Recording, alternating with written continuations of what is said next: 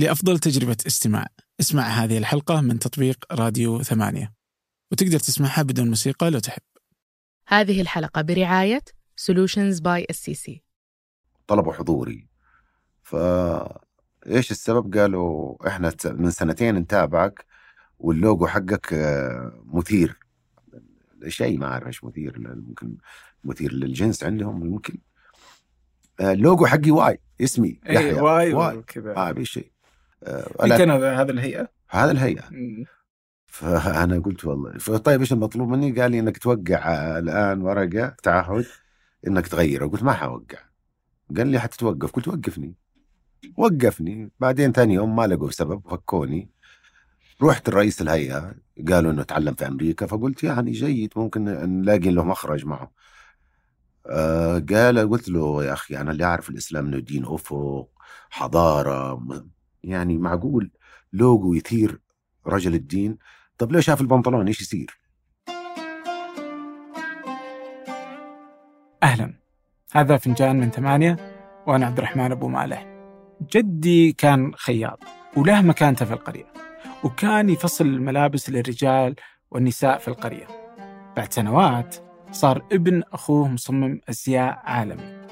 لكن الغريب هنا هو ردة فعل القرية المختلفة تماما تجاه القصتين من قبول ومكانة إلى رفض ونبذ أكيد أن التغيرات المجتمعية في أبها أثرت على تقبل الفكرة بين هذين الجيلين. بس إيش تغير في المجتمع بين هاتين الفترتين؟ مو من ناحية تاريخية أو تحليلية لكن من سيرة ذاتية. فهي هذه الحلقة هي سيرة ذاتية من ابن القرية إلى مصمم أزياء يشارك في أسبوع الموضة في باريس ويصمم للأميرة ديانا والملك تشارلز والملك عبد الله بن عبد العزيز. كيف هذه التغيرات المجتمعية وكيف هي هذه التحديات داخل العائلة ومع الدولة من مجال الأزياء من التسعينات حتى يومنا هذا؟ مع ضيفي يحيى البشري أول مصمم أزياء سعودي. والحلقة تتجاوز السيرة الذاتية للحديث عن الثياب والعبايات. فأدرك أن الأزياء في السعودية تهمنا كلنا. الكل يهتم في شكل وتصميم ثوبه وشماغه والجاكيت وطريقة اللباس. والنساء اليوم صارت العباية جزء مهم من الشكل والأناقة. الأزياء في السعودية يعتبر أهم سوق في الوطن العربي. يقدر السوق بقيمة 18 مليار. واليوم بات فيه اهتمام أكبر من أي وقت سابق. نشوف مصممات يدخلون السوق بقوة. طبعا عند أبو ريان تحفظ على هذا الموضوع. واليوم كذلك صار عندنا هيئة للأزياء ودعم لم يسبق له مثيل. قبل أن نبدأ شاركونا أسماء ضيوف أو مواضيع تقترحونها على فنجان على بريد البرنامج فنجان at ثمانية dot com أما الآن لنبدأ.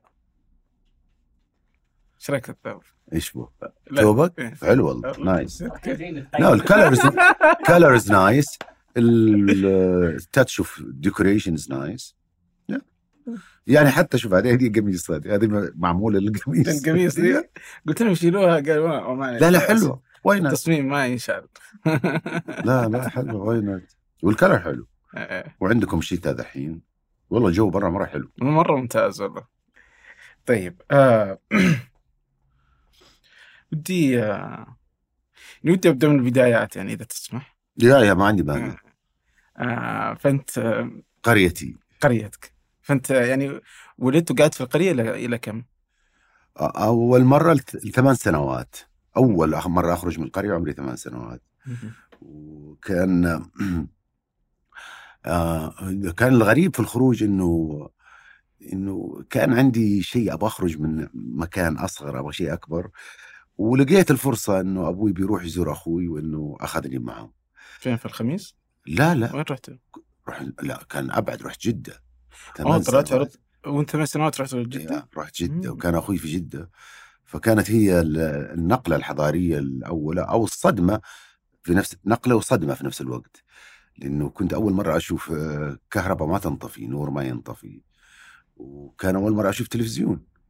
فكان التلفزيون بالنسبة لي آه، حاجة ناس يمشوا في شاشة كانت كانت صدمة كبيرة. يعني هي هو مرت علي صدمات أنا في حياتي حضارية. يعني ممكن أنا أسميها هذه الصدمة الأولى. اللي خلت ما عاد عندي رغبة في إني أرجع القرية. يعني كيف أقنعهم إني أقعد. وحتى لما رجعت ما, ما تأقلمت. يعني طبعا لما تروح على مكان في حياة أخرى ما عاد تقبل بالمكان الصغير. تبغى مكان أكبر تحس إنه حتى خيالك يصير أوسع.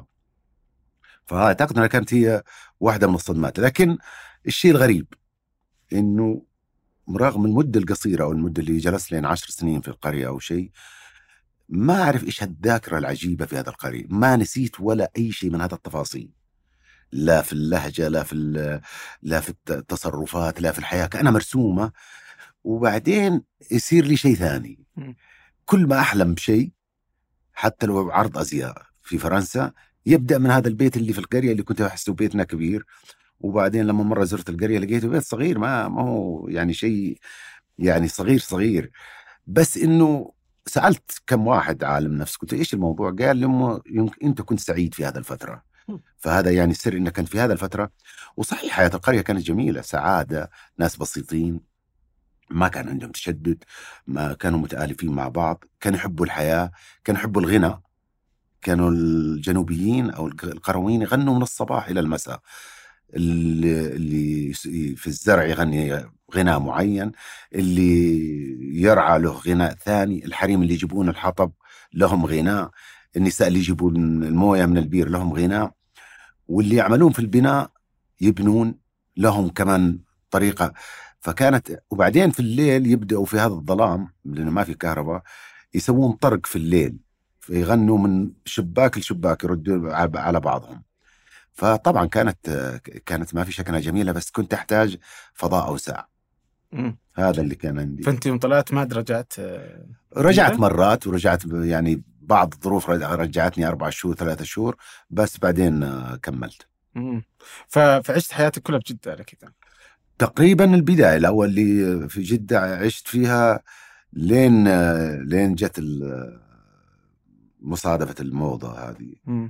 لما جت المصادفه هي صار حياتي برا أكثر من السعودية. okay. يعني بس لا خليني برجع الحين. تسلسل. اي يعني بس انه واحد يطلع من يعني من الديرة إلى جدة يعني هل الوالد كان okay معاها؟ يعني؟ يا لأني عايش مع أخوي. آه. كنت عايش مع أخوي فما كان عنده مشكلة. لا وبعدين في الجنوب يبغى إنه يطلع يجيب يبغى يشتغل يبغى حتى لو شغله من الأولى من سادس ابتدائي يشتغل. ما همه الفكرة التعليمية يعني ظروفهم ما كانت جيدة. آه، والصعوبات هذه تخليكم إنه ما يهمه إنهم إنك تبدأ حياتك وإنك تساعدنا.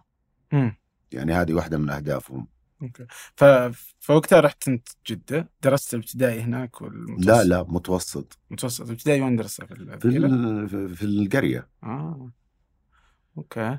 و ولما تقول ودرست جزء برضه في, ال... من المتوسط برضه في القرية مرات رجعت في في فترات.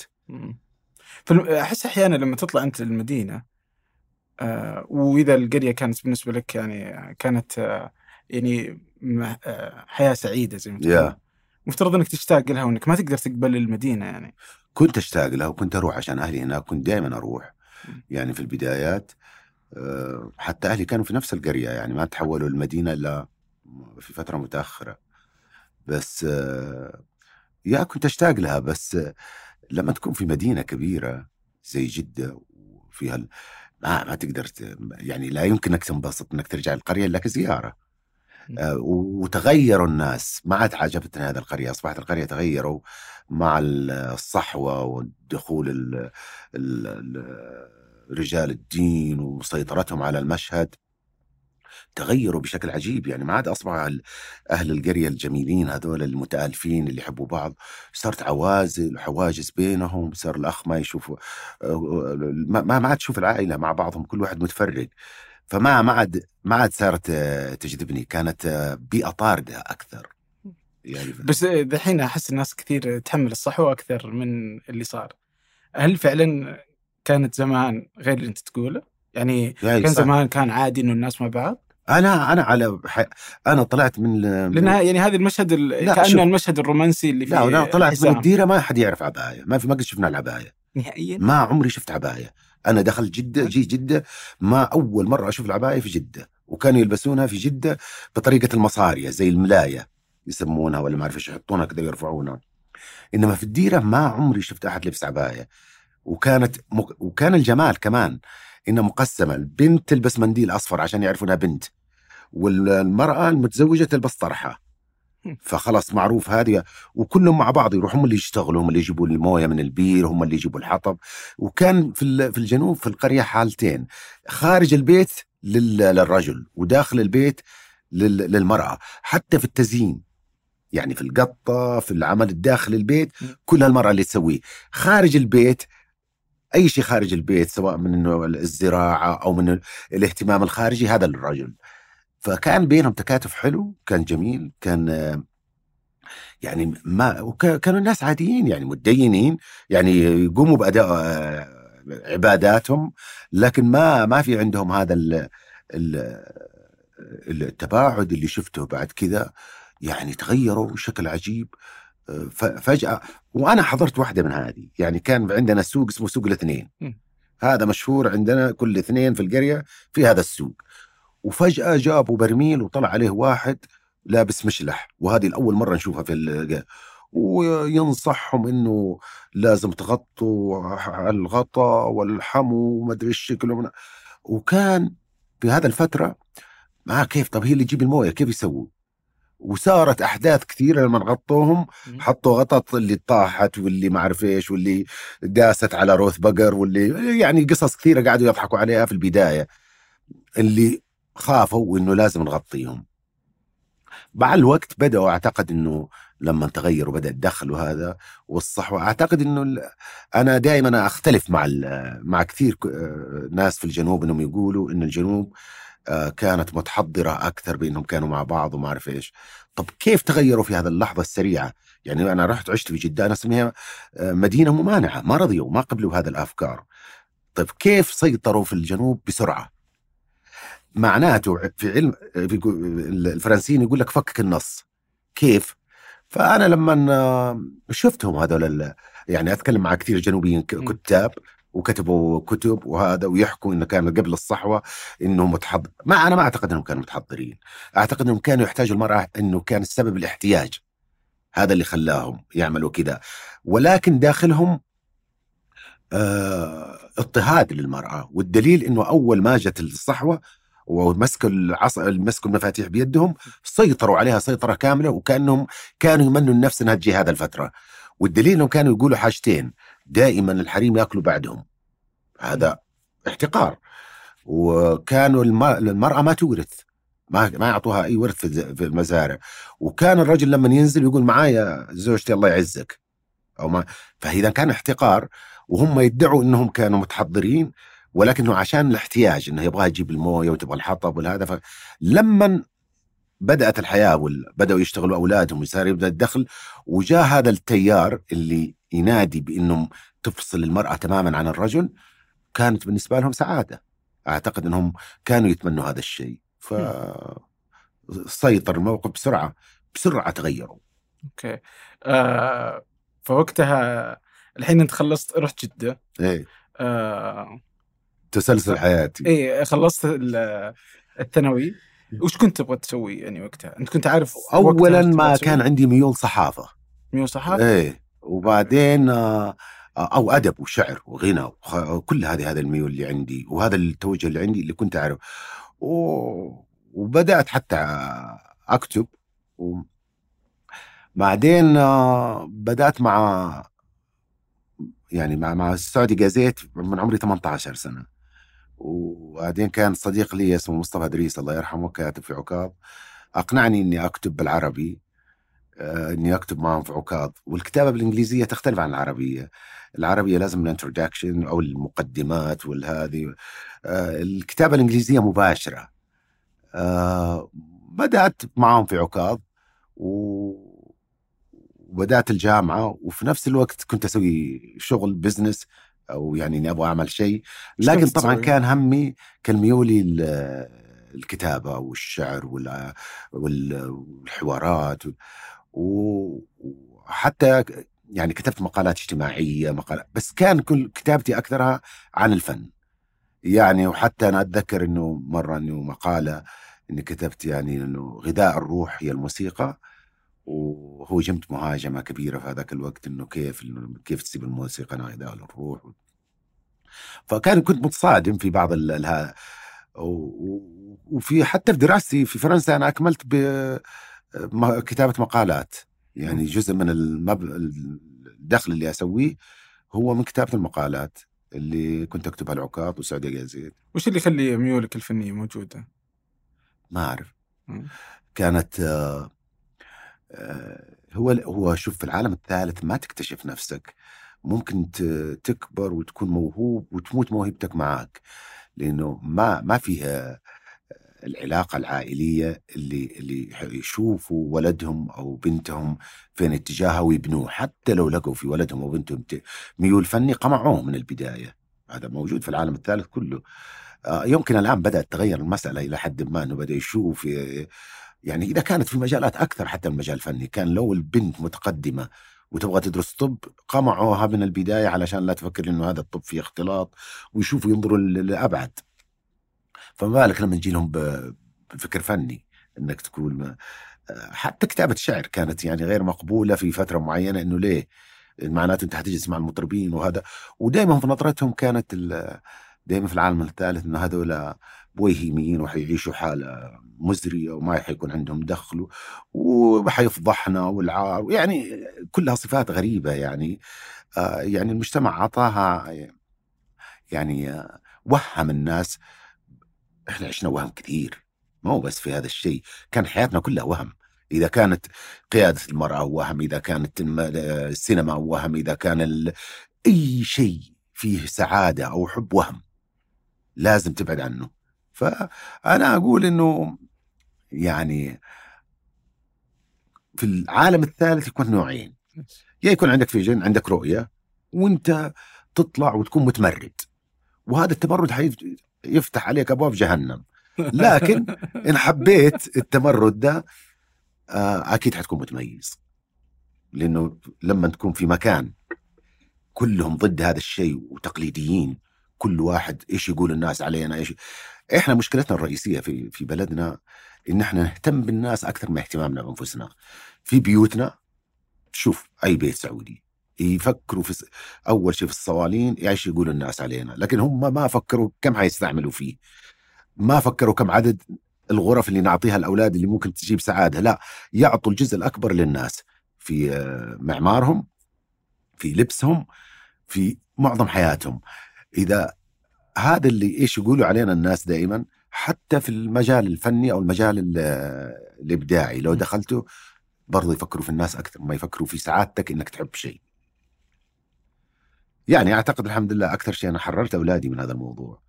فكان هذه يعني سعادة لي انه إني طبقت ال- ال- اللي اللي قابلتهم مشاكل حررتهم إنه يختار الواحد ادرس اللي تحبه. أوكي. طيب على ال... ال... أنت كنت قبل شوي تقول إنه بالفر... ال- في الفكر الفرنسي إنك تفكك الأشياء. حاولت تفكك ليش أنت آه، من بين آه، أهلي أخوانك وأهلك؟ مختلف. اللي آه، مختلف اللي يهتم بالفن أكثر من أي شيء ثاني. شوف أنا أؤمن القراءة لها دور كبير في الحياة. أنا من صغري يعني عاشق القراءة. ما أعرف كيف كنت أقرأ الاربعه خمسة كتب في الشهر. وإلى زلت ولا زلت إلى الآن. هذا القراءة دائما هي تغيرك الإنسان. تفتحك على أشياء كثيرة.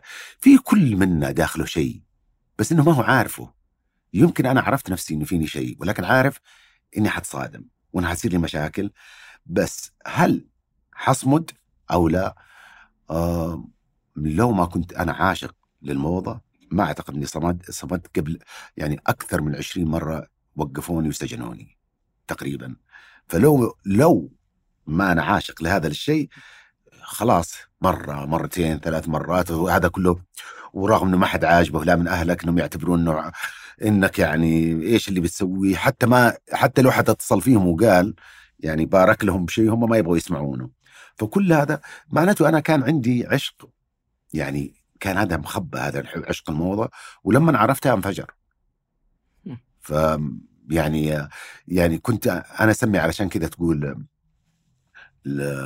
ليبراسيون هذه مجله فرنسيه ولمون تقول إنه في هذا المجتمعات ممكن الواحد يصير أي شيء لكن مثلا تصبح في صمم ازياء أكيد عانيت الكثير ف لأنه لما تكون في مكان متشدد من أهلك ومجتمعك وهذا وتسويه حتى حتى في صناعته برا يعني أنت لما أنا أذكر إنه أول عرض عملته في حياتي كان عرض انتحار يعني لا يمكن لا يمكن تسوي هذا العرض.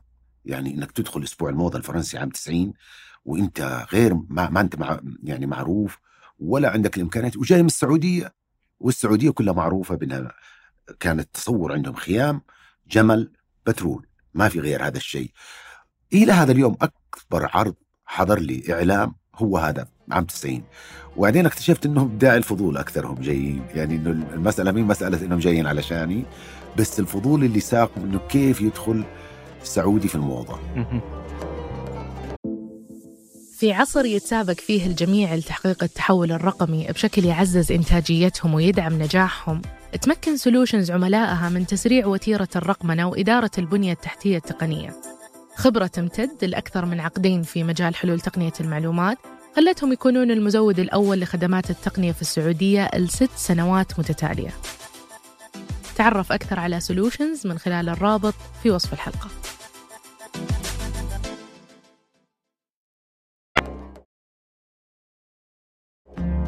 طيب متى أول مرة؟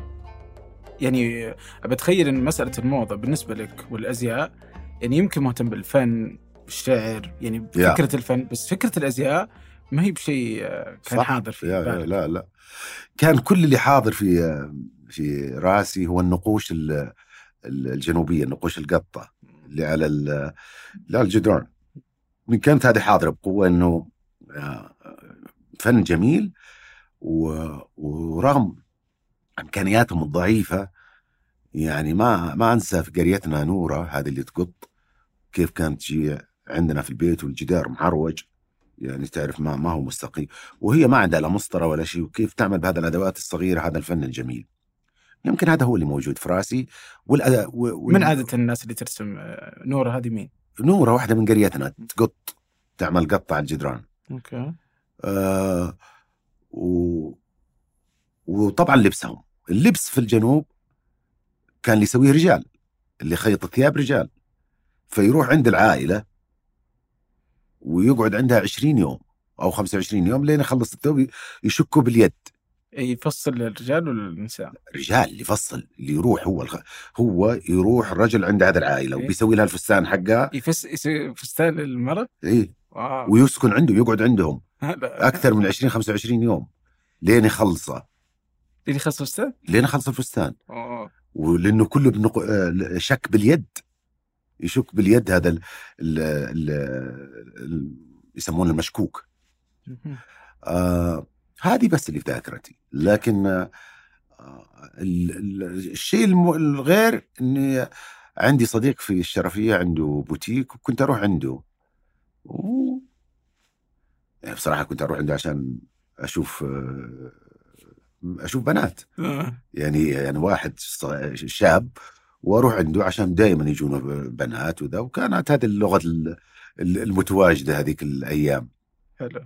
وكنت أرسم أشياء أقول له لو غيرت هذه القطعة لو عملتها كذا ليش ما تعملها كذا؟ ليش كلام.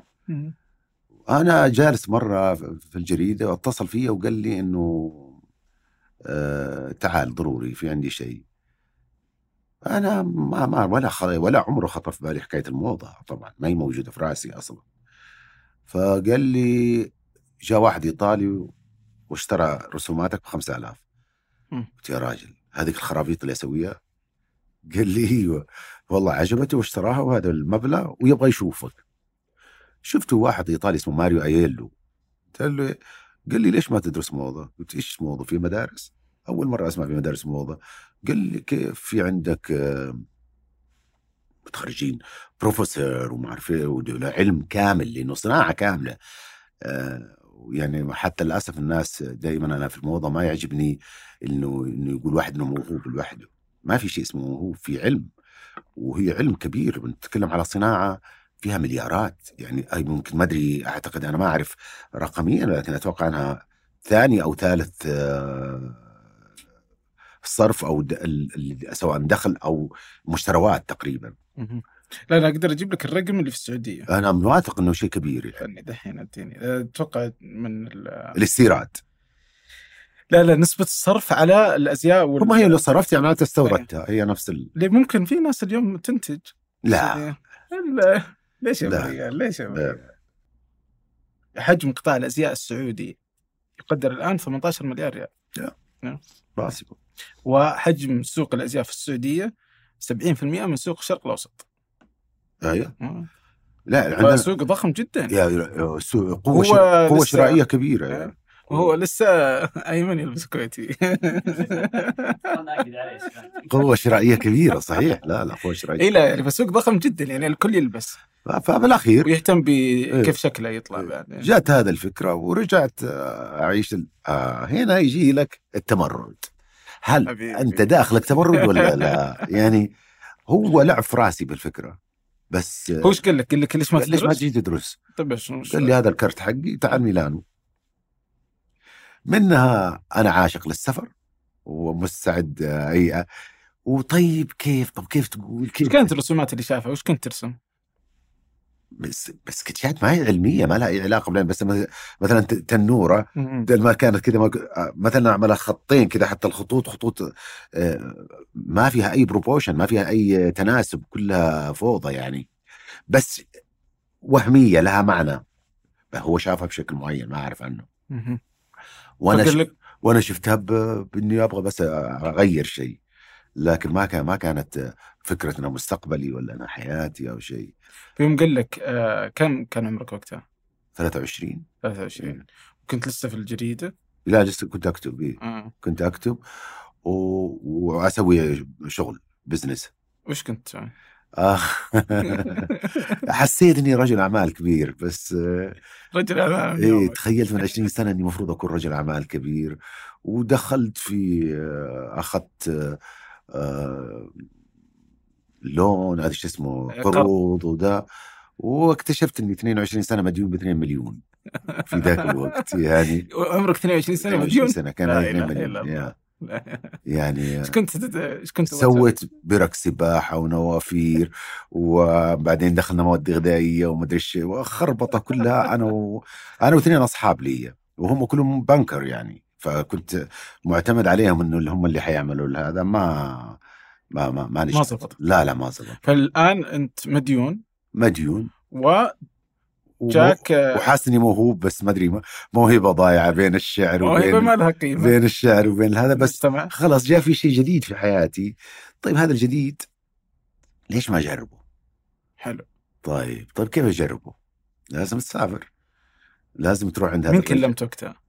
آه هو المحرك اللي كان الله يرحمه مصطفى إدريس. كانت أرجع له جريدة وأقول له قال لي أنا أشوفك هنا. قلت مصطفى أنت ما تعرف الموضوع لا بس إنه آه، داعم. وكان كاتب جميل جميل. المهم كان يحرضني. ولا ها إيش؟ قلت والله أعتقد حتنجح في هذا الموضوع. هو كان يبغى هو نفس الشيء متمرد فيبغى تمرد في مجال ثاني وحس إنه ممكن. قال أنا ما أقدر أقول لك إنك حتنجح بس ممكن يطلع حاجة شيء غريب وشيء جديد. هذا عام كم؟ 88 قبل. لا 85 أظن. 85 إيه، أو 85 المهم رحت. أنا تطلع لك خرجنا من ال- الصدمة الحضارية الأولى حقت لا التلفزيون لا حقت بس ولا جيت الصدمة. ما بجيك الصدمة. أحس في صدمات قبل الصدمة. ما حتمشي. أوكي. دحين أنت قلت لمصطفى و... ويعني قال قال لي قلت له طيب. كيف؟ بس كلمت مثلا أحد من أخوانك لا و- لا لا. ليه؟ ما يقتل ما يؤمن أعرف التفكير حقه. اولا أخواني أصغر مني. آه. فأنا تقريبا المحرك حلو. يعني ما ما ما أظن حاجة الوالد. لا لا لا انسى الموضوع الموضوع. والد مين يا بس أنت تروح ميلان. لا أنا قلت في البداية خليني أشوف ال- الموضوع. وطبعا أبوي ما كان يحب السفر حقي اني دائما اسافر كثير آه فكنت تسافر إيه، صدق كنت. أسافر، إيه. آه. يعني كنت أي شيء اجمعه أسافر فيه. وش كان يقول لك؟ 2 مليون جزء الموضوع حلو إيش كان يقول لك آه، الله يرحمه؟ وإنه ضايع وضيعت فلوس بس كذا بس ما عندك شيء. بس ما ما في داعي أقول الموضوع ده. خليني أشوف أنا رايح أكتشف. الوالدة؟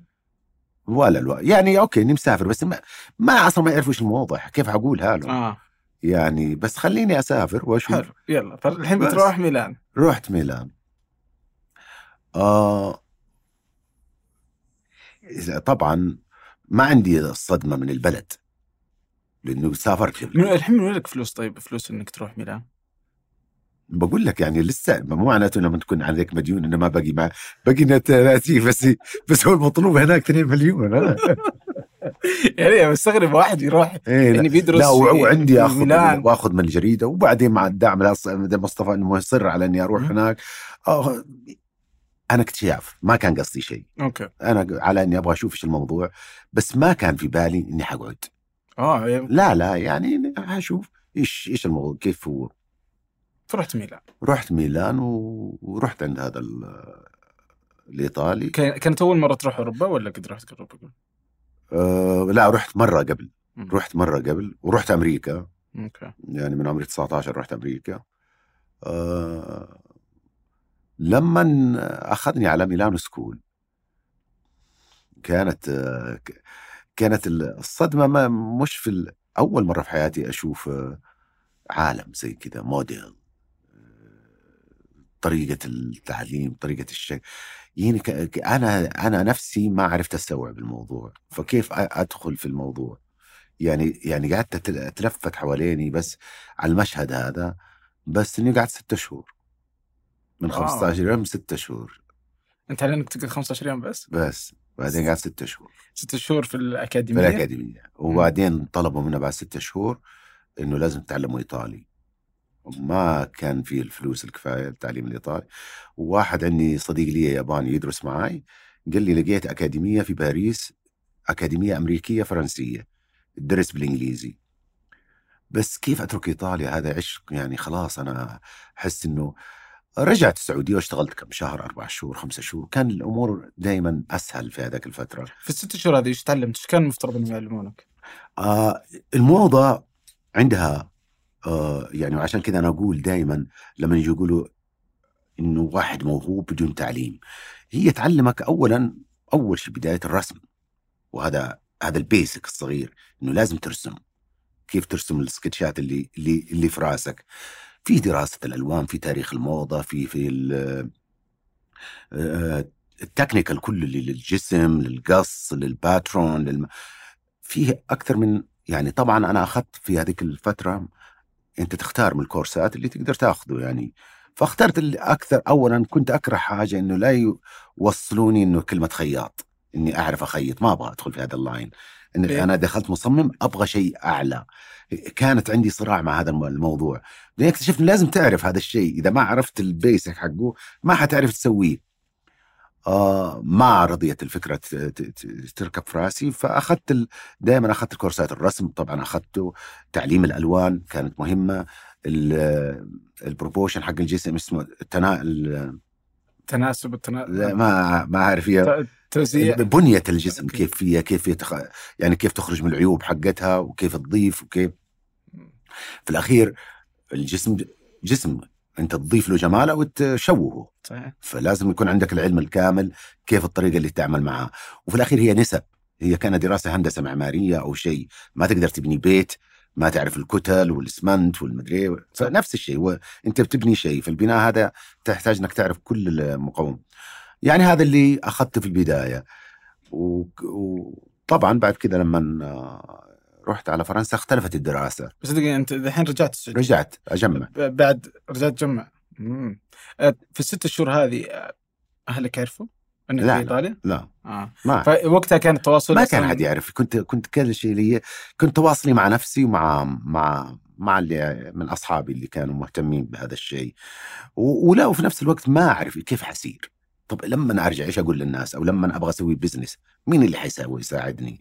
أو مين اللي حيقتنع بهذا الموضوع كانت موجودة الصراعات في في رأسي فرجعت عشان تجمع رجعت وكذا وعملت اتفاق إني أكتب مقالات وإني آخذ مقابل هنا وهنا وطلعت شيء ثاني بعض من الأغاني كانت جيدة في الفترة هذه غنيت؟ لا لا كتبت. أغاني؟ لا لا أنا أكتب أغاني من صغير من صغري آه. أكتب أغاني لكن عارف من اللي غناها من اللي من من يعني لا أعرف اللي غناها لكن ما أعرف آه، يعني لها لها شيء معين بس كانت كانت سبب رئيسي في إنها ساعدتني في في الدراسة. الدراسه آه. فجلست كم جلست في السعودية؟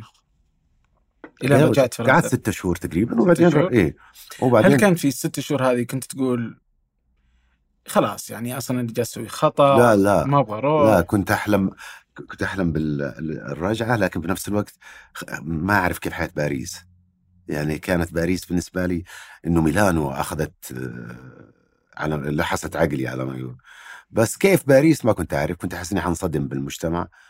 بس اي تنصدم يعني آه، طلع الحب كله لباريس. يعني, آه. يعني من من من من دي 1 يعني من أول يوم دخلت هذه المدينة. لأنه كلها تتكلم فن.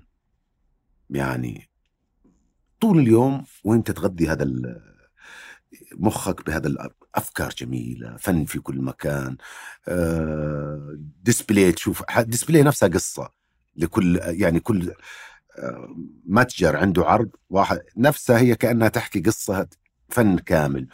آم، يعني في منطقة اسمها سان جيرمان. هذه المنطقة آه، لو تقعد من الصباح للمساء حيمر عليك 20 نوع من الفن. من الموسيقى للرسم لل هذه التغذية الفكرية هذه تضيف لك شيء. وبعدين عندهم إيمان بال- بالمختلف. فبما أنه عندك حرية التفكير فيدعموا حتى المختلف أكثر. إنهم يعتبرون أنه بيعاني في منطقة معينة. فحتى تسهل لي أشياء كثيرة يعني إنه يعرفوا أني أنا آه، ما هو مقبول ما كان مقبول إني أدرس الموضة و فطبعا جالي دعم كثير من عندهم إنه يا هذا لازم نعمله نساعده علشان يبني شيء في بلده أو يبني شيء للفن خاصة في الموضة وبدأت في باريس وطبعا تغيرت شكل الدراسة شكل التكنيك تغير شكل. آه، كان عندنا تاريخ الأزياء كان مهم آه، دراسته مهمة جدا ل- لأي واحد يدخل الموضة لأنه تعرفك على تاريخ الموضة من بدأ الإنسان يحط هذا القش إلى أن وصلنا إلى إلى حالتنا هذه آه، كانت ممتعة أكثر الدراسة في باريس وكنت في نفس الوقت خايف إيش إيش نهايتها يعني منه؟ نهاية هذا ال... آه فكرت إنه خلاص أعيش في فرنسا أو أبقى في فرنسا يعني إنه ممكن لكن جاتني عرض عام آه، 88 من الأكاديمية إني أكون محاضر. وكانت ال آه، كانت بالنسبة لي هي أول مرة أشعر بالغرور في حياتي. يعني آه، إني منطالب إلى محاضر. وكنت محاضر في العربي كاليغرافي في ال- الخط العربي كيف أدخله في الموضة. ف يعني كانت كانت بالنسبة لي أقول لك كانت غرور عجيب. ماني مصدق نفسي إني وصلت لهذا الشيء. وحتى زوجتي وام أولادي أنا تقابلت معها في الأكاديمية فكنت فهي أخذت عندي في درسي ولكن ما ما اهتميت فيها. إنه لما قالت لي لا أنا أروح السعودية من عمري 12 سنة عشان أختي هناك. فكرت يعني في الموضوع كذا. و- وكانت هي بداية هي أنا 8 شهور أو 9 شهور اللي درست تقريبا.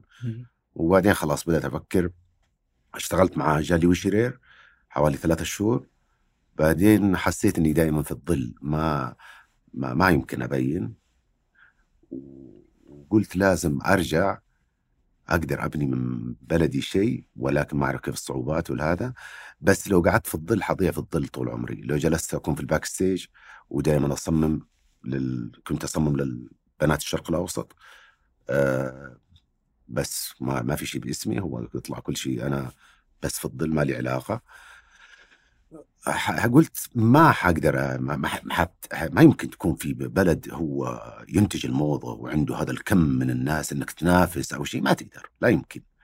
فحسيت قلت إنه لو رجعت ممكن أبني مجد وممكن أهدم نفسي. هي الحالتين موجودة. فاختار منها شيء ولكن ما دام الحياة كلها مغامرات وأنا كل حياتي مغامرات كمل المغامرة. يعني إيش حيصير لو؟ بس ما تتوقع لو كنت في فرنسا آه، ممكن تبني نفسك كاسم آه، آه، يعني هو ممكن يعني في فرنسا ممكن لكن إيش؟ فرنسا طريقتهم مختلفة عن تقعد لك حوالي 20 سنة وأنت في دار ازياء بعدين يشتروك. من دار الأزياء هذه وتنفرد. وبعض المصممين كلهم بدأوا كذا. لما تكون ايف سان لوران كان عندك كريستيان ديور. لما انت معظم كريستيان لاكروا كان عند جان باتو 20 سنة. يعني كلهم يطلعوا من مكان يشتغلوا في مكان لمدة 20 30 سنة. بعدين تجي شركة تقرر إنها تعمل باسمه. line. آه. بس كان ممكن بس ما أدري متى. ما كنت مستعجل. آه أنت كنت مستعجل؟ يعني. OK. يعني لأنه يجي ببالي في ناس قدرت إنها تصنع اسمها يعني مثلا وعرب مثلا زي إيلي صعب. لا يعني إيلي صعب ما صنع نفسه بباريس إيلي صعب صنع نفسه ببيروت هو بدايته في بيروت وصنع نفسه من بيروت.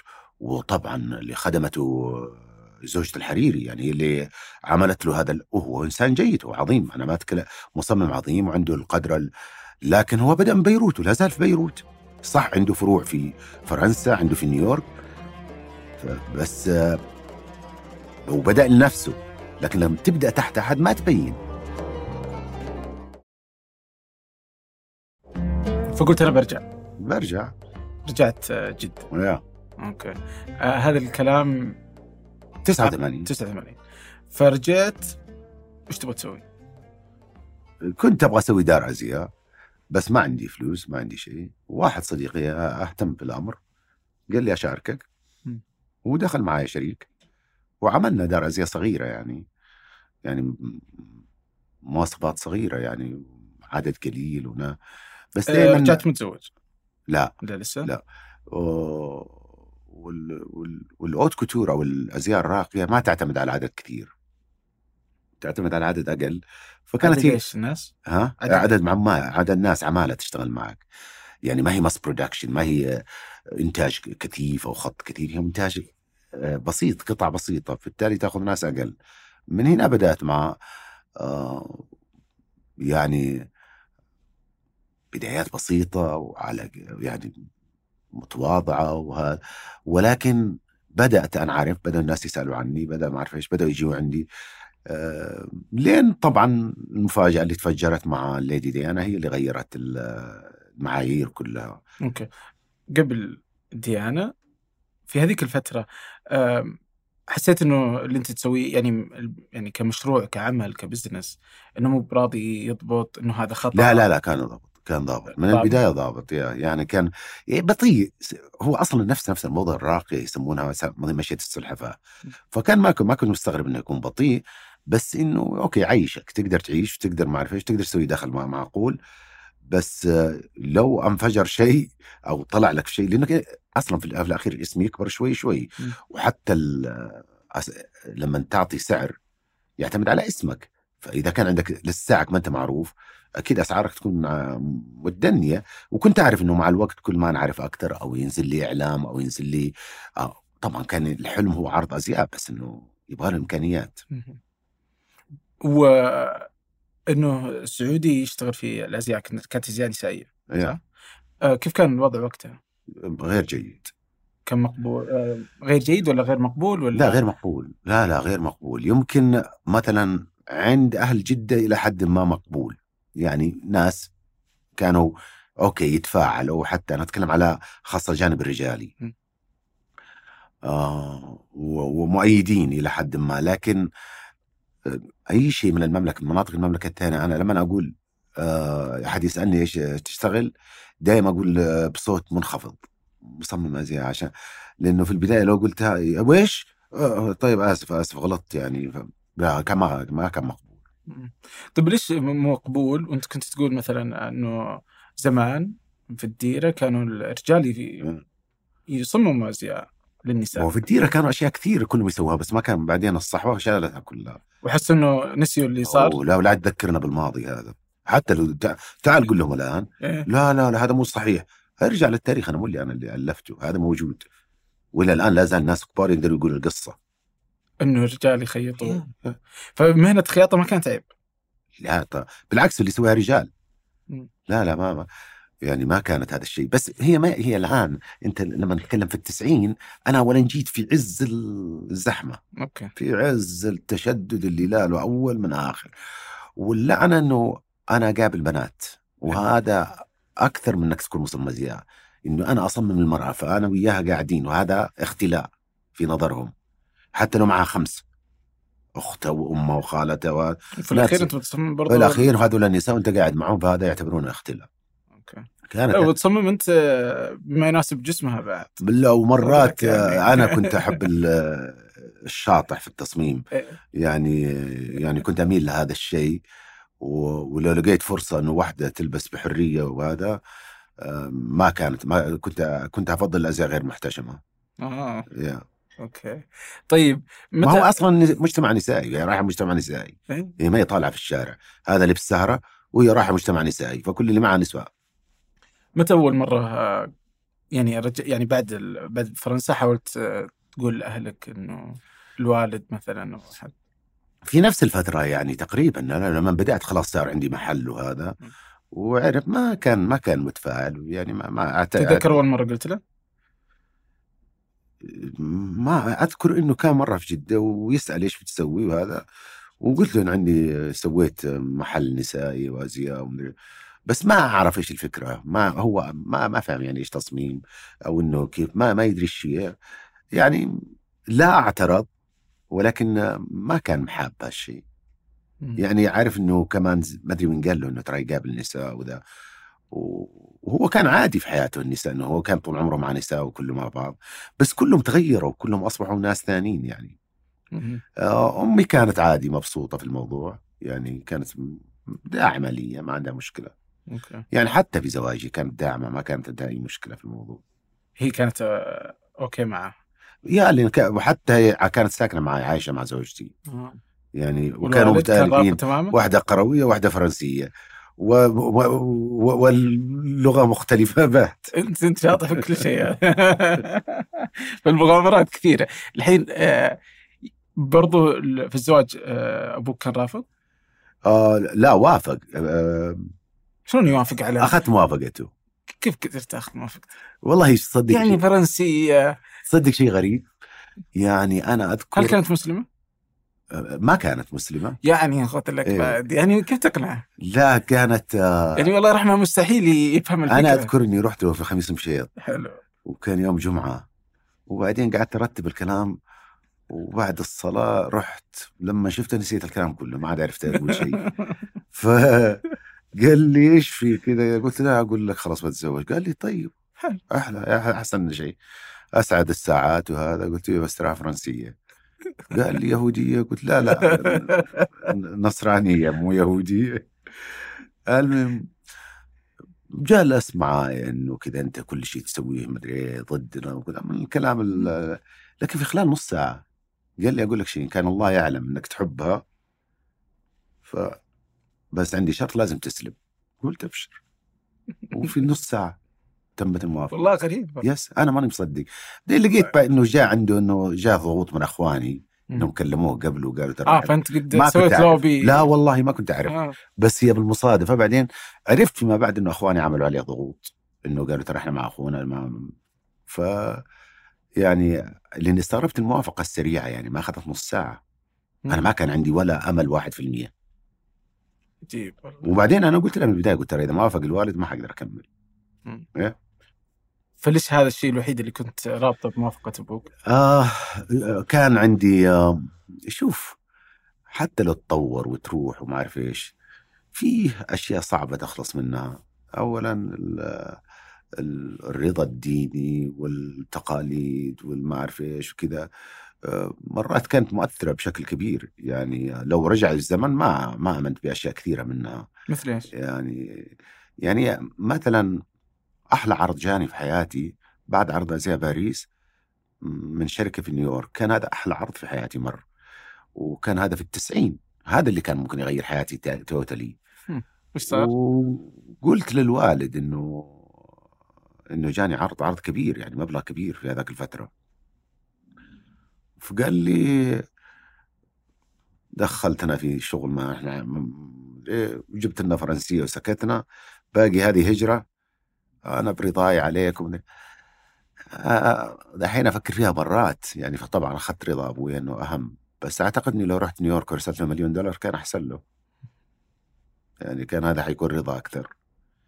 وكان مستقبل أكبر لي فإحنا مرات نربط الأحداث يعني بال بالأشياء الدينية بالأشياء التقاليدية بالمعرفة إيش هذه ما تقدر تخلص منها بسرعة جذور. تأثر عليك ما ما حتى لو إنك تعرف إنه المستقبل هذا جيد وإنك تقدر تعوضه و- لكن آفاقك ما تكون في هذيك اللحظة بهذا الشكل. مع الزمن مع الخبرة مع المعرفة إيش تغير الواحد إيش عنده ال- ال- إيجابيات الطرح لأنه لما يجي لك شيء رزق لين عندك بهذا الشكل وإنت ترفضه علشان آه، رأي معين آه، يعني. طيب لأني أعرف أهل الديرة كيف تفكيرهم. كيف تفكيرهم وكيف إنهم قريبين من بعض وكيف الكلام ينتشر بينهم إيه. وكيف يأثرون على بعض. فتأثيرهم عالي جدا. صح. فهل أثروا على على الوالد أو. عليك كثير في؟ يا لا. ما أنا علي لا. ما كنت أهتم فيهم ما كان يعنوني. لكن آه، كان شلون ما يعنونك؟ يعني أحس ما عندي علاقة فيهم أنا بعيد عنهم. لكن آه، من خلال أبويا كان التأثير. يعني كانوا ينقلوا له كل الصور الخاطئة يعني لو طلع في مقابلة بشكل معين راحوا يقولوا له آه، يعني حتى هو فرض علي شيء في الزواج أنا ما تزوجت في السعودية تزوجت في مصر. فطبعا أهلها عشان يحضروا واجدادها وما أعرف إيش ما ما كان في اختلاط في السعودية. فقلت أعمل الفرح في مصر. يعني بلد محايد بين أهلها وأهلي. هو قال لي أبوي على شرط شوف لا أشوف لها صورة في مكان. في مجلة ولا جريدة ولا لا طيب. في يوم الفرح لقيت التلفزيون الفرح المصري موجود. يعني مو بس ال...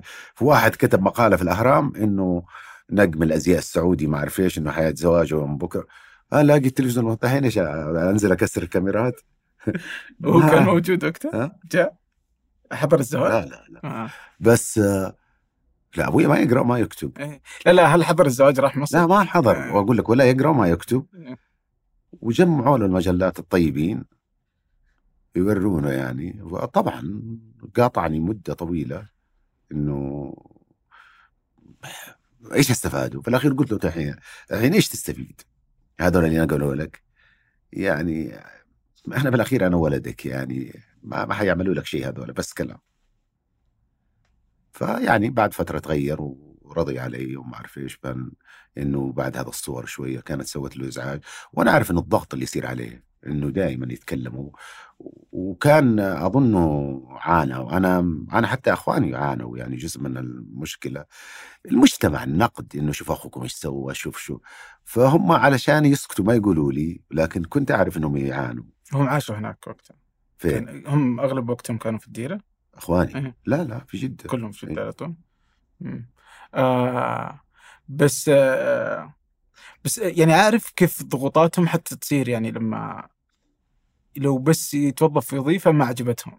يا. يجلسون يضغطون على الواحد. بكل شيء بكل شيء. فكيف بها إنك تروح تسوي زي كذا؟ شوف ما هو أنت مرات لما تروح كيف تقدر تصمد؟ تروح الإكستريم؟ أنت أنا شطحاتي كانت كبيرة فصاروا يحاولوا يطلبوا مني أقل يعني شيء يعني إنه يعني آه بس في الأخير شوف ما يصح إلا الصحيح. أنا أقول لك شيء كل هذا النقد اللي كان يجيني إيه. وكانوا يعترضوا عليه وكانوا يعتبروا إنه ارائي ومبادئي في هذا الم... هاي الآن صارت مطلب لكل أحد. هي المسألة مين يبدأ؟ مين يتحمل الضغط؟ أنا دائما أقول آه أنت لما تفتح الشباك على مكان مغلق أكيد حتجي لك ريح ويجي لك آه، آه، آثار وخدوش وهذا لكن فتحت الباب. هذا المهم. لما تفتح باب موصد بالضبة. آه، لا تتوقع إنك حت آه، يعني كنت عارف هذا الشيء. لا أتوقع إني أكون آه، يعني يستقبلوني استقبال فاتحين. كنت عارف إنه حتصادم كثير. يعني كنت أعرف كنت أجي أنزل مطار جدة. بعد أي عرض أزياء على طول على المباحث. من المطار.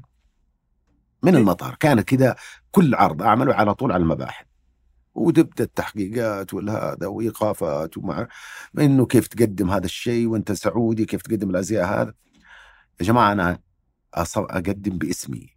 لما أقدم باسم السعودية أختلف الموضوع. أنا دائما العمل اللي أقدمه أقدمه باسم شخصي.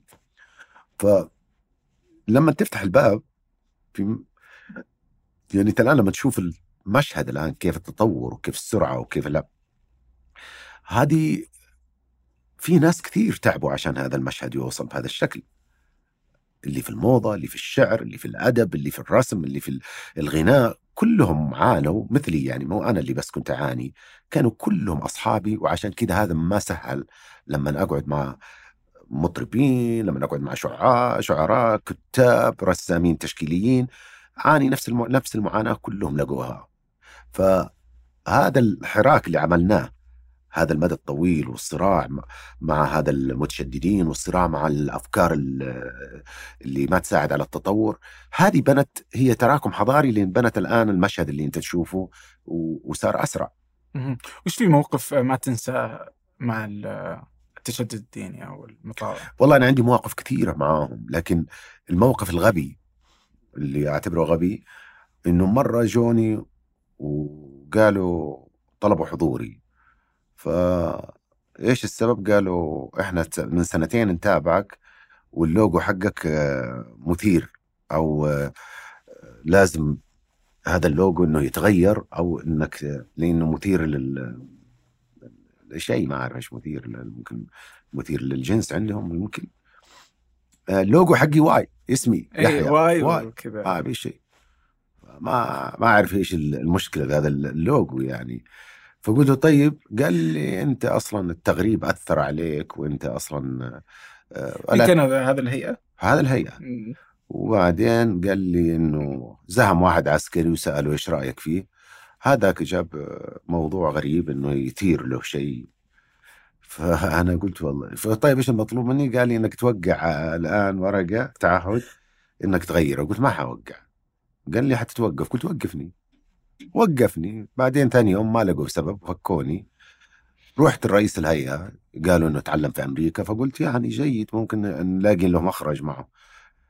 آه قال قلت له يا أخي أنا اللي أعرف الإسلام إنه دين أفق حضارة يعني معقول لوجو يثير رجل الدين.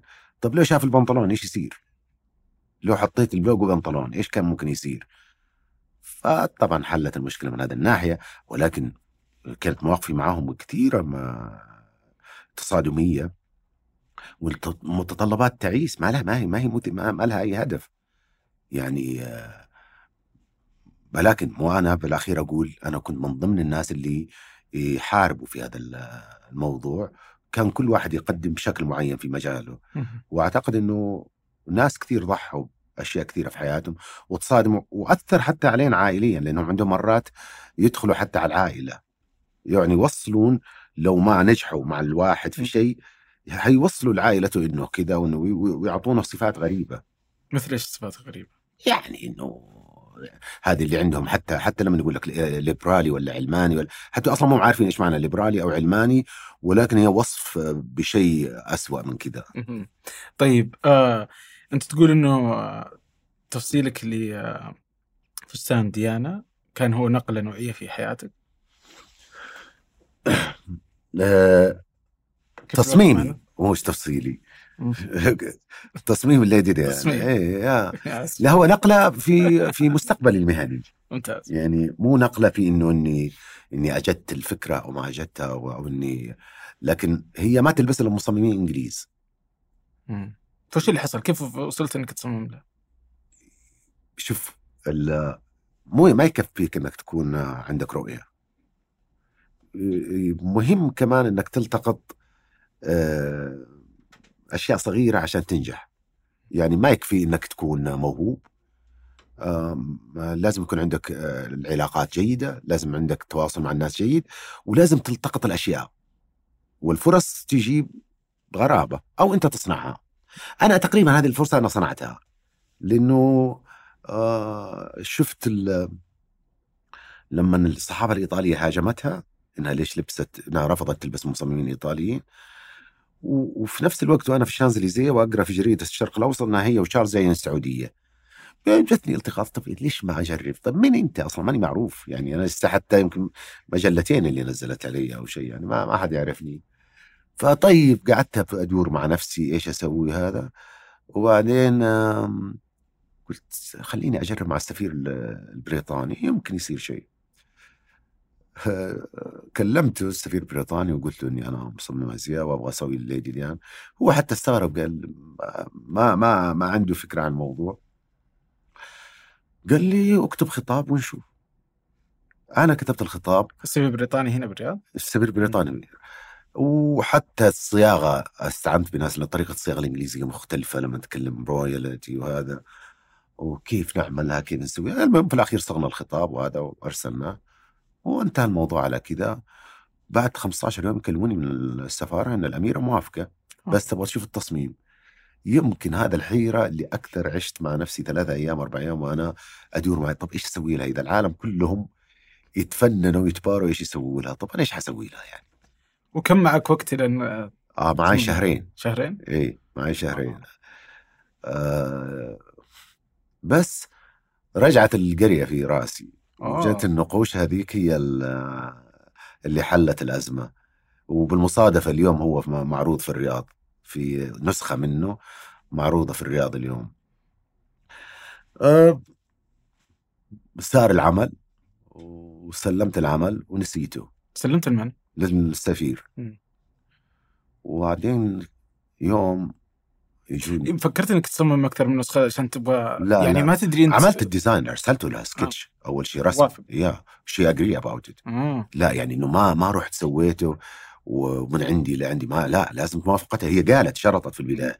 قالت بس أشوف التصميم. ممتاز. فطبعا هذا كان تصميم مختلف تماما. ما له علاقة. فيه يعني لا يمكن تكون لبست شيء في حياتها زي كذا. وبعد كذا من هنا من ذيك المرة حتى ارتبطت أنا بالعائلة البريطانية غريب يعني حتى ارتباطي فيهم كان غريب شوي إنه بعدها تشارلز وبعدها كاميليا وبعدها كلها وردت ورا بعض بالمصادفات كلها. شلون المصادفة؟ آه، هذه واضحة الثانية شلون يوم؟ يعني خلص هذه الليدي دي أنا سلمتها وتقابلت معها في جدة وتكلمنا فتحت لي أبواب المستقبل كله. ولما رسلت لي الخطاب اولا آه بدأت الطلبات علي بشكل غريب. من كل مكان من الكويت من هنا من ما أعرف إيه. وكان عندي المشكلة كيف أحط السعر؟ أنا متعود على لساني صغير طب كيف أرفع السعر؟ كم كنت تصمم وقتها؟ ها؟ كم كنت تصمم وقتها؟ أكثر شيء كم؟ 5000 بس كيف تعمل دحين السعر النقله الثانية حتى أنا خايف من الرقم لما أحطه. ما أدري كيف أقول يعني علشان يقبلونه وأخاف انهم يرفضوا أو تقول هذا مجنون ولا فنتفق التيم طب إيش رأيك بنحط هذا الرقم؟ نحط الرقم بعدين من خلال المكالمة اللي تكلمني إنه أقول ترى يأخذ وقت كذا كذا بعدين أرفع أرفع الرقم ثلاث مرات مثلا. دي اكسبت إذا وافقوا عليه. إيش اللي ساير؟ يعني بدأت. ثقافة ثانية. بس كان هذا ميزة الجمع المالي هذا ومع خطاب الليدي ديانا. إني ارسلته لنقابه الموضة الراقية في باريس. ففي أسبوع الموضة في فرنسا عنده شروط صعبة. كيف تدخلها لازم تجي لك دعوة من مصممين من ال 16 دار ازياء أو نقابة الموضة تعزمك. هذا الحل. أو ما حتكون لا لأنه في شيء اسمه in calendar و out calendar أو إيش اسمه داخل القائمه وخارج القائمة.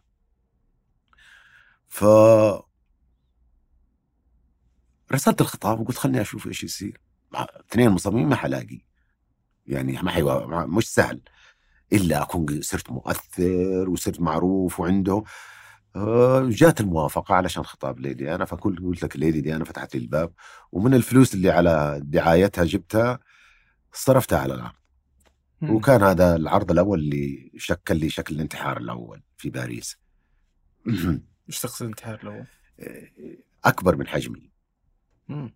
آه، آه، فيها صراعات كبيرة ما حد يعرفها وما كنت أعرفها وما كنت أعرف إنه صراعات الموضة إنه الموضة مسيطرة يعني كلها شركات عالمية كبيرة وأكثرها شركات يهودية وكانوا يبيعوا للسعودية حوالي 15% من الأزياء الراقية ما يمكن يخلون أحد يعبر بسهولة بس ما كنت أعرف بس اللي حصل؟ عرفت من اللي سووا فيا إيش سوى فيك؟ والله يمكن هذا العرض أغرب شيء ممكن يصير إنه أعتقد إنه خلوني لين قبل العرض ب 20 25 يوم ولغوا عقدي مع الصالة اللي أنا عملتها. فما ما عرفت إيش السبب بدون أي سبب. طب روح اشتكي. حتى لو اشتكي بس العرض خلاص يعني الآن كل الدعوات رسلتها لل... للصحافة. فإذا جت الصحافة في نفس اليوم هذا لو جو ما في شيء حتى أو إنك ترجع تعتذر لهم حيعتبروك يعني غير خلاص لا يمكن تنقبل مرة ثانية. طب كيف تصحح الموضوع وفي نفس الوقت؟ آه، جت لي صدفة إنه في صالة اسمها بافيون جابرييل قدام الأليزيه إنه وافقوا إنه يعملوا عرضي فيها. فطبعا الوقت يتغير لأنه كمان نقابة الموضة تعطيك وقت من ساعة لساعة علشان الصحفيين ينقلوا من مكان لمكان. والصالة ما رضيت تعطيني في الوقت هذا. ورجعنا النقابة ووافقوا. في الأخير آه كانت الصعوبة الثانية أنه لما دخلت الأزياء من جدة الملابس طلبوا شيك مصدق الجمارك وما كنت أمتلك المال. فكان هذا خلاص الحلم كله انتهى. اللي عشته وهذا. آه قالوا لي ترى السفارة السعودية ممكن لو أعطتك خطاب آه إحنا نوافق عليه بس السفارة رفضت رفضت إنها تعطي خطاب؟ خطاب يعني. ليه؟ قالوا لا مسؤولية قلت لهم خلوا جوازي عندكم لغاية ما إيش المسؤولية؟ ما أعرف هم قالوا بس الجمارك أعطونا خطاب إنك ما تبيعها هذا القطعه إنك ما تبيعها آه, آه. فالسفارة تقول إنها تعززني فقلت للسفارة خذوا جوازي وش فكرتهم انه ما تبيعها؟ ما ما تقدر تبيع لازم تدخل ب يعني هذه ملابس نسيها للعرض م. لازم تخرجها من البلد. أوكي. أو تدخل تدفع عليها ضرائب وتدفع عليها ما أعرف إيش. فما رضيت السفارة حاولت أقنعتهم بأكثر من مرة اعتبروا انها مسؤولية. رغم اني قلت خذوا جوازي عندكم وفي المطار سلموني هو. ما ما رضيوا. بس كم كانوا يبغون؟ 200 ألف فرنك. كم هذه بالريال؟ أو دولار 50 ألف يورو ممكن 50 ألف يورو؟ يمكن أو 200 ألف يمكن 150 ألف ريال أو شيء 200 حاجة زي. لا هو شيك مصدق ما هو شيء. بس عشان يضمن إنها تخرج. يعني ما ما زبطت الحال ف ما سويت العرض؟ سويت العرض ها. بعد ثلاثة أيام من الاكتئاب وأنا في البيت اتصلوا في قال تعال خذ الملابس. قلت إيش إيش اللي تغير؟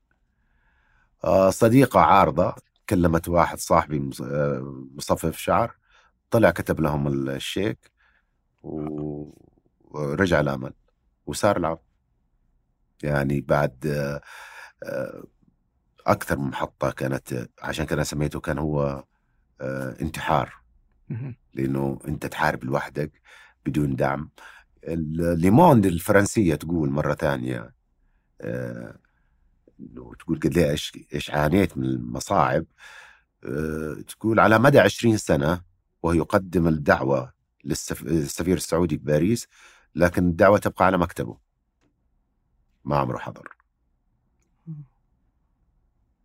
رغم إني أقدم عرض تكلفة عالية حضور إعلامي كبير باير عالميين ودعاية لهم وما يدفعوا ولا شيء.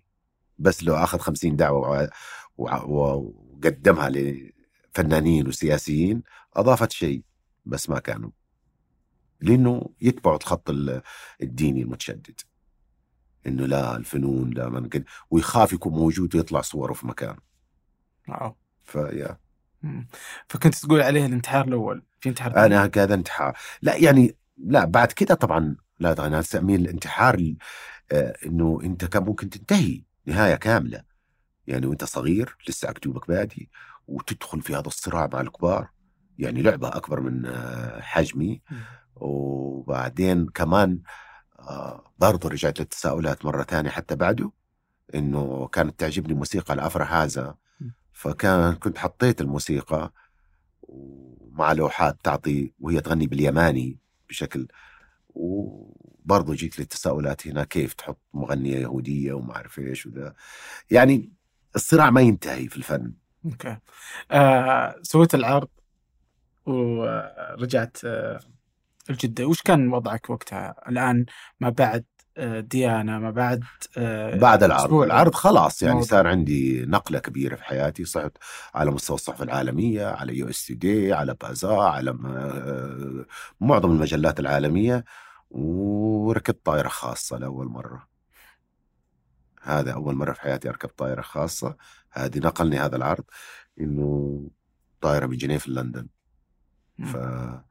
فهنا تغيرت آه، معادلات كثيرة في حياتي إنه يعني ما كنت فكرت في حياتي يوم من الأيام إني أركب طائرة خاصة وإني في هذا السن يجي لي طائرة خاصة تأخذني من جنيف على لندن عشان أصمم لشخصية معينة مين كانت؟ لا أميرة سعودية آه إيه.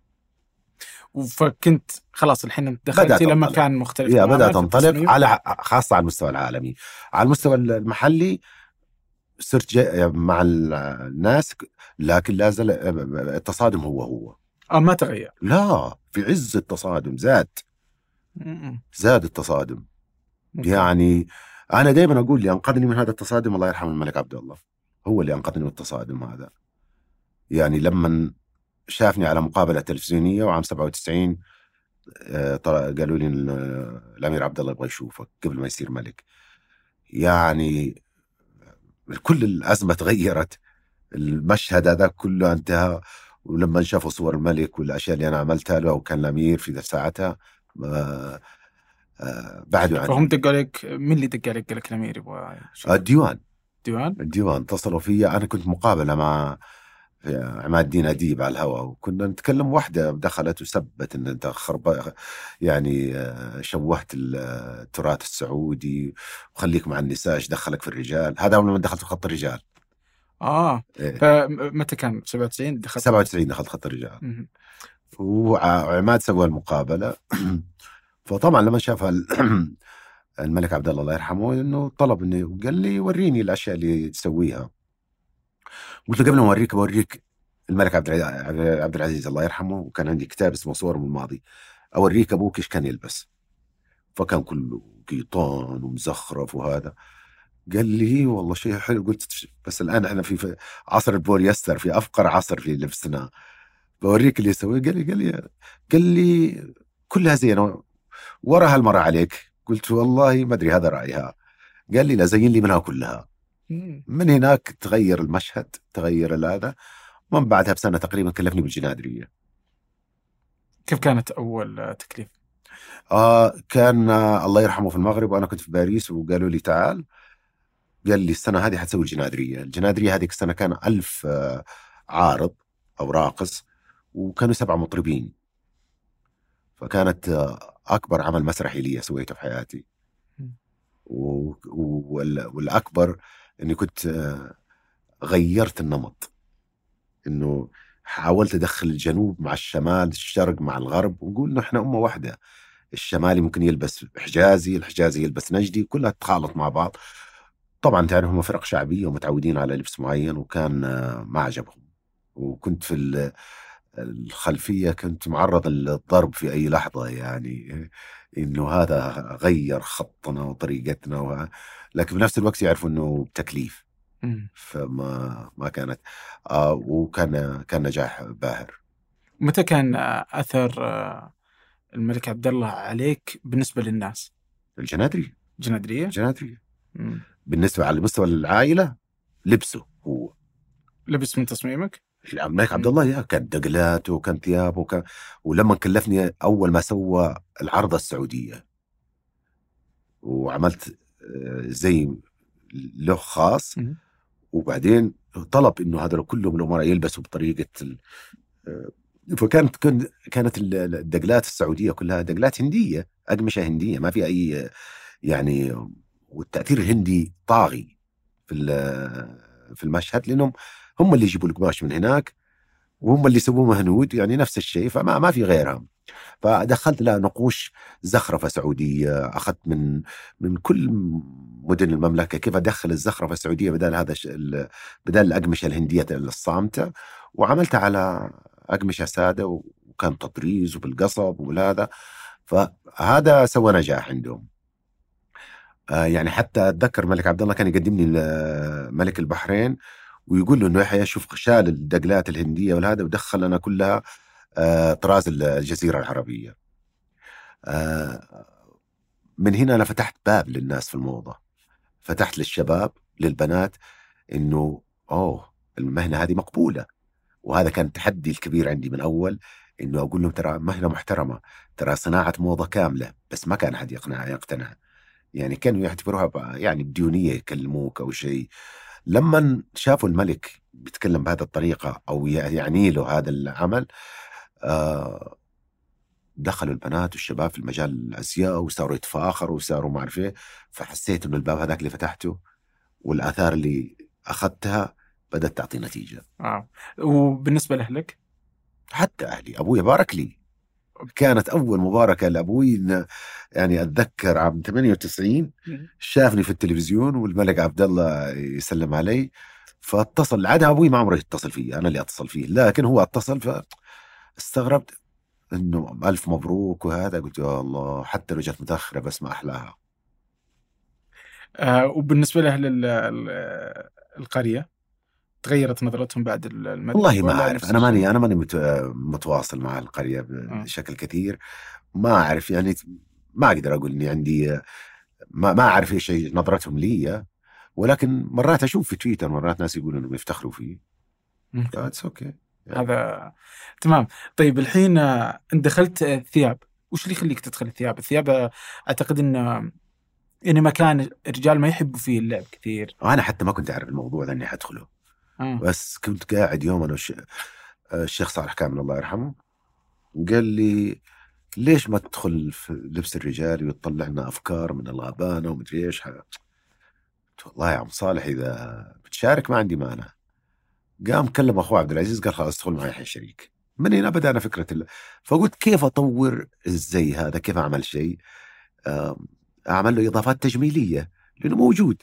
وأنا دائما ما أؤمن إنه إنه الثياب إنه تصميم أسميها تطوير. تطوير؟ يعني لأنه هو موجود قائم أنت مجرد إنك تضيف له أشياء هي والعباية أنا ما ما أصدق إنه في مصمم أزياء يسوي ثوب مصمم للثياب أو مصمم للعبايات مصمم العبايات هذه كلها تطوير هي قائمة فأنت بس تطور عليها تضيف عليها أشياء تجميلية.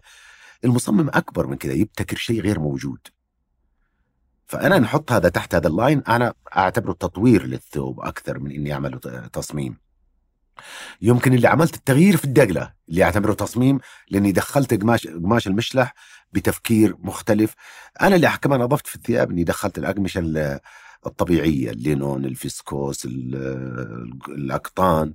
يعني اللي بعيدة عن ال- الأقمشة ال- اللي كلها كيماويات يعني. آه. بعدين سوينا عرض أزياء في جدة لأول مرة أسوي عرض أزياء في جدة في شارع آه، للثياب ولللبس الرجالي العارضين رجال سعوديين اللي سووا الموسيقى سعودي آه، أنا المصمم وسوينا كلنا تيم مع بعض كم؟ 97 آه. كان وكنا وكان عندي صديق في الداخلية طلبت منه إنه يحمينا إنه يحط لنا سيارات نجدة عشان لا يدخلوا علينا الهيئة وعدى العرض بسلام مع إنه في في شارع بين بيوت أوكي وهنا كتبوا عليه ناس إنه هذا التغيير الأول أو التحول في مجتمعنا إنه كيف يصير عرض زي في بس يعني عرض رجالي في الأخير يا. يعني ف فهي شوف حتى الصدامات هذا اللي تصير بس فيها كمان سعادة يعني لا يعني مرات الواحد لا يسوي جانب اللي الجانب اللي دائما آه، إني عانيت وما كمان انبسطت سعدت عملت نجحت آه، أعطاني المال أعطاني الشهرة أعطاني الصراع هذا كله أشياء كثيرة وتمتعت فيها. أنا من النوع اللي يعيش يومي ما عندي ما أخر ال- ال- الأشياء اللي بعدين يعني. ممتاز. بس الثوب وشلون تطور أصلا على على مر التاريخ؟ يعني مثلا في الجزيرة وحتى تلقى إن اختلاف يعني إذا إيه. اخذنا الجزيرة العربية كل الجزيرة العربية كان كل ثوب حقهم بدون رقبة. زي ال- الإماراتي؟ زي الإماراتي بدون رقبة بس ما في هذا الدنداشه اللي قدام ذي. وكان واسع وكانوا علشان يحسموا عشان يروحوا المزارع أو يرعوا أو يعني حسب. الصيادين يختلفوا كانوا ما يلبسوا ثياب اللي الساحليين كانوا يلبسون فوط أكثر شيء وقميص. كان ما أتيح لهم في. في الجزيرة العربية أي قماش تعطيه هدية أو شيء يحوله لهذا اللبس وفي الأخير هم همه إنه يستر جسده. ولازم يكون يمشي مع طبيعته عشان ما بين راعي أو ما بين مزارع أو شيء. فله علاقة بال... بالإنتاجية. كان لونها أبيض؟ لا. لا لا لا ما كانوا يهتموا ما يعرفوا إيش الأبيض. إيش يجي أي ألوان. ما في شيء اسمه بوليستر وكان مشجر ومخلط أي شيء. ما عندهم. آه مع التطور ومع أصلا أصلا القماش نفسه صار ثورة في العالم. يعني العالم كان من أقمشة كانوا يصنعوها باليد إلى الثورة الصناعية لين دخل البوليستر لين دخل ال... يعني كمية ال technology اللي تأثرت فيها الأقمشة. فهذا البوليستر سوى آه، إنتاج على مستوى غزير وبأسعار رخيصة. من هنا حولوا تكلفة السعر الغالي إلى الأسعار الرخيصة. دخل عندنا البوليستر تغير النمط في الحياة صاروا يقتنعوا إنه هذا الثوب الأبيض هو اللي يعكس الحرارة والشمس والهذا. آه، وأنا أعتقد إنها قاعدة ما هي صحيحة اولا. يعني أنا أستغرب ليش ما في ثياب في كل الوقت كلها الألوان؟ ليش دائما أبيض؟ ما انت تشتغل في مكتب وانت معك أجانب لابسين بدل صوف. إيش الفرق؟ يعني ليش ما ألبس له؟ يعني ليش لازم صدق يلبس جاكيت تلقاه طول السنة إيه وإذا لبس فارس وأنا أستغرب السعوديين ما يصدقوا بالشتاء عشان يلبسوا ألوان. صح. طيب معناته الألوان هي تضيف سعادة تضيف حياه لك آه يعني أتذكر واشنطن بوست كتبت عني مقال إنه أول من وضع الألوان في في خارطة الثوب. آه تيجي تقول لا بس الابيض يعكس وكل من الناس في مكاتب مكيفات وبيت مكيف السياره مكيف. بس هي في الأخير حتغير لأنه نظرة الجمال أو الألوان تضيف جمال على الحياة. أنا أقول لك عشان كذا الناس ينبسطوا هنا في الشتاء عشان يغيروا. صح. فممكن تكون ب... ب... جاء تغير دحين الآن الثوب السعودي الآن هو مقدمة قميص إيطالي أو فرنسي. يعني في عندنا بالقميص الفرنسي في two tucks مثلا من الخلف أو واحدة. آه زي الثوب الكويتي. آه أو آه بدون. بدون. آه، بدون أي tucks من القدام لا. والياقات تختلف هي الياقات برضو ياقات أو قمصان. مشكلة الثوب متى دخلت سواء السادة أو القلاب؟ أنا ما ما عندي تاريخ معين يعني بس أنا أعتقد إنها كلها من من السبعينات من 75 كذا مش من قبل. يعني. ونفس الشيء برضه حتى الكبك حتى ال cufflink وهذا حتى الكبك وما الكبك والسادة. زي ما نفس الشيء. هو أقرب للقميص. لذا أنا أسميه ما هو إنه تطور. يعني ما سمعت في العالم مصمم قمصان Okay. بس مين اللي دخل هذه الأشياء؟ يعني كيف دخلت؟ آه، يعني هل تطورها؟ تطورت مع الزمن مع الناس. يعني مع الإمكانيات مع تغيير الأقمشة مع سهولة الأقمشة اللي تدخل. آه، أنت أول ما كان عندك هذا الشيء ما كان عندك سرعة ال... آه، ناس واحد جاب قميص لبسه وشاف الثاني أبغى زيه بس أغير. هي التطوير يجي حتى من الناس. كانت الموضة تنتقل تنتقل بين الناس زمان ما في لا ميديا ولا في عروض أزياء ولا شيء. كيف كانت الموضة تنتقل من مكان لمكان. أنت تجي مثلا من أندونيسيا وتجي على السعودية لابس لبسك فيعجبنا لبسك. فنقول لك بالله اعطينا منه. تكون تتحول إلى تاجر لها ويصير نلبس أو تجي عندنا وننتقدك ما تعرف فتقوم تلبس لبسنا. كانت تتحول موضة بهذا الشكل. طيب وبس قبول الناس للتغييرات. انت من 97 في البداية كانت صدمة. يعني وش أغلب التغييرات؟ على أشياء تغييره خط صغير تطريز إيه؟ عملته أو عملت اللون أو عملت قماش فيسكوس أو دخلت لونين بالأقمشة. ما خرجت كثير. يعني كانت الإضافات. كنت أضيف السديري آه، أو الإضافات الدقلة. الدقلة اللي خرجت فيها بشكل أكبر. ما تقبلوا في البداية. كان بالنسبة لهم إيش هذا الثياب إيش المعرفة؟ إيش وبدأت الأوصاف والسب يعني يحطوا تسميات يعني لي إنه إنه سوى لو كنت استمع لها كان انتهيت من زمان ما كنت أعبرها. لما لبس الملك عبد الله تغيروا كلهم قبلوها. فدائما كنت أقول دائما القائد السياسي هو المحرك للتغيير. فدائما إحنا نشوفها بهذا. هو ساعدني بإنه لبس ساعدني بإنه خلاني أسوي الجنادرية. الجنادرية كان مسرح سويته 12 سنة وسويت سوق عكاظ سبع سنوات. فكان بالنسبة لي مسرح أكثر. يعني كنت أفرح بهذا الحادث. وكلفت كما آه، عام 2010 كان برضه هو آه، يمكن أهم وأشهر عرض عملته في حياتي. برضه كان من الملك عبد الله تكليف. إنه كانوا بيسووا آه، معرض في كنتاكي للفروسية. واسمه هدية الصحراء. فسويت عرض أزياء آه، مستوحى علاقة الإنسان بالحصان. وكان حوالي 130 آه، قطعة رجال ونساء وعملتها على شكل مسرحية. فهذه كمان يعني كانت دعم كبير إنه وهي موجودة الآن كلها في المتحف هذا القطاع. طيب ليش اليوم إلى الآن لا تزال تلقى أغلب الناس في السعودية يعني الكل يلبس ثياب يرجعوا. بس في الأخير كلاسيك. كلاسيك إيه،. ما في هو ما, في هو, حركه ما في. مشكلة حتى الكلاسيك. أنا ما ماني مع إنك إذا ضفت هذا وشلت هذا. أنت حر. بس لما يصير خيار بحرية أكثر الناس ما يقدروا يلبسوا ويرجعوا الكلاسيك عشان خايف من الناس. إيش يقولوا الناس عني؟ مم. لا زلنا أمام معض مشكلة الرئيسية الناس. كل اختياراتنا في الحياة في ماكلنا في مشربنا في ملبسنا في سكننا لازم نعطي للناس قيمة كبيرة. إذا تخلصنا أنت حر تبغى تلبس سادة تبغى تلبس بإضافة. أه واللي يبغى يتميز دائما يتميز. ليش الشماغ إلى الآن ما تطورت؟ هي أصلا ما هي ما كانت متطورة عشان تتطور. يعني آه، اولا اللبس الأحمر لون قبيح على الرجل. ليش؟ ما هو جميل. لكن أنت شفته 20 أنت شفته 30 40 سنة فتعودت عليه. لكن لو جبتك في مجتمع ثاني والله. عمرك ما شفت. وشفت واحد أحمر لابس قميص أحمر ولا حتستغرب يعني ش- شوك. بس انت متعودت عليه طول عمرك من تولدت وانت تشوف الشماغ. فيصبح جزء من هذا ولا ما هو جيد اللون. يعني آه، بيكون و- أخضر؟ ومعيق للحياة. يعني لبس الشباغ ولا هذا. آه، ما ما في إضافات. ما تقدر تضيف فيه شيء. حاول تغير فيه. حاول آه، محكوم بال- بالمصنعية. اللي عنده. يعني أنا عندي لا وأنا أتكلم انه أقول لك أقول لون قبيح لأي واحد ما يشوفه بس خلاص تعودنا عليه أصبح من جمالياتنا. يعني أصبح جزء منا ما نقدر نتغير منه. وصرنا نشوفه مريح للعين.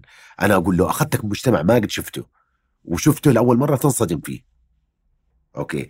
بس إذا تعودت عليه طول السنين حيصبح جزء من ثقافتك إيه أنا ما أقدر أتخيل غير لون الأحمر أو الأبيض. إيه، يا- يعني يا. تخيل تقول لي تحطها لا، أزرق يعني- بقول لا ما ما. شفت شفت الأزرق؟ لو قعدنا 20 سنة ما شفنا إلا الأزرق نفس الشيء. هي هي العملية تعود يا. آه حاولت عندي حوالي عندي عشرة تصاميم للشماغ.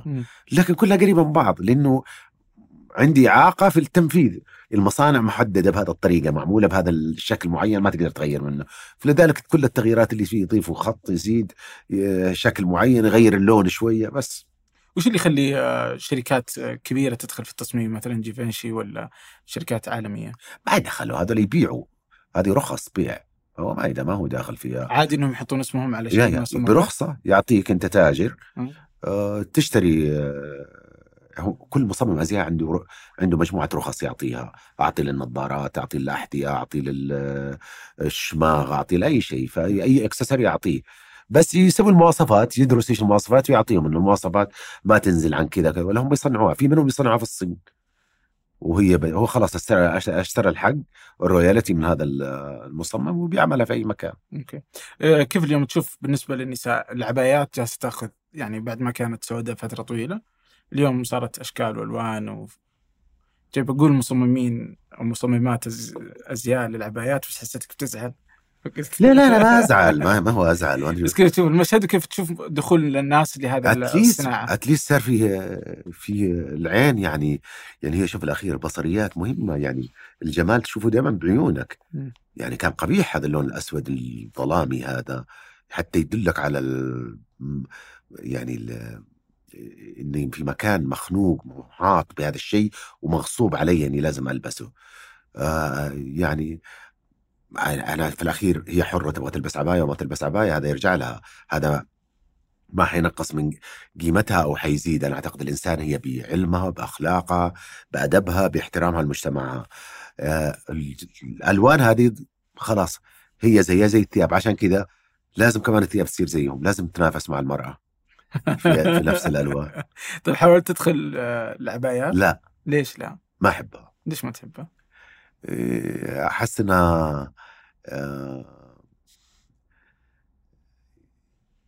يعني ما ما أقدر أوصف بس أحس إنه إنه مغصوبة غصب. أنت فارضها بالقوة. هي مو خيار. بس اليوم خيار. شيء خيار. بس اليوم خيال آه في في يعتمد على المجتمع. في كثير من البلدان آه في كثير من مناطقنا آه لا يمكن تكون خيار. يعني صحيح. بس مثلا إذا دخلنا في الرياض. عند في الرياض عند البنت اللي متعلمة واللي صحيح. من أسرة آه يقبلوا أهلها التفاهم. لكن وغالبيه الأسر السعودية ما يقبل التفاهم. آه، أنا أحس أنا أنا تع- تعجبني العباية وتعجبني أي شيء إذا كانت اختيارية. أي شيء يصير فرضي أعتقد إنه آه، غير مقبول. كيف طيب تشوف تصاميم العبايات اللي في السوق اليوم؟ إيه العبايات ما, ما فيها لا تصميم يا قمشه مخلطة تضيف شيء وتحط شيء. يعني ما في اللي طلع الآن في من العبايات اللي عجبني آه وشفت بنات عملوها اللي ماخذة على شكل الجاكيت الطويل. آه عملية آه تقدر تتحرك بحرية آه فيها حشمة فيها كل اللي تبغاها. آه هذا فيها كرياتيفيتي. أو فيها إبداع شوي. وش اللي ينقص اليوم مشهد الأزياء في السعودية؟ آه. يعني اليوم اختلف المشهد عن مشهدك السابق صحيح. 97 طيب اليوم عندنا هيئة أزياء. عندنا آه. هيئة أزياء سوت برامج آه لسه جديدة ما لها سنة ونص أو شيء. آه عرضوا علي برامجهم. آه أعتقد لو طبقت 50% منها آه حتكون نقلة كبيرة في الموضوع. آه عندنا عندنا حاجتين لازم لازم آه نكون واقعيين شوية ونترك الحلم.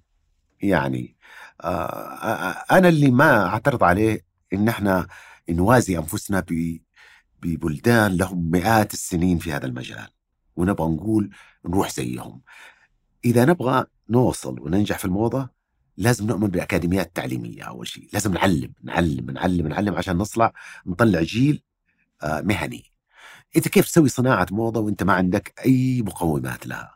يعني آه، جي- جينا دحين على الصناعة اللي يتكلمونها صناعة إن إحنا نصير مصانع ما حننافس ولا نقدر. هذا لازم ننساه إنه نعتمد على التصنيع في أي مكان. نجاح الموضة يعني مثلا لما نتكلم على نيويورك، نيويورك تقريبا هي عاصمة ال- صناعة الموضة. بس ما تصنع. هي تنتج براندات تسوقها تعرف كيف تعرضها وتشهرها. بس ما تصنع تصنع في أي مكان. الصناعة أروح للمكان الأرخص. والعالم كله يتنافس من يعطي لك سعر، أنت عندك المصاريف أو عندك تكلفة عالية. ما تقدر تنافس في التصنيع اذا هذا أختلف بأي مشكلة لكن كيف ندعم الموهوبين عشان يصيروا براندات وناجحين؟ اولا لازم يتعلموا هذول الموهوبين. إذا أنت موهوب ابدأ بالتعليم. عشان تعرف فن الموضة كله.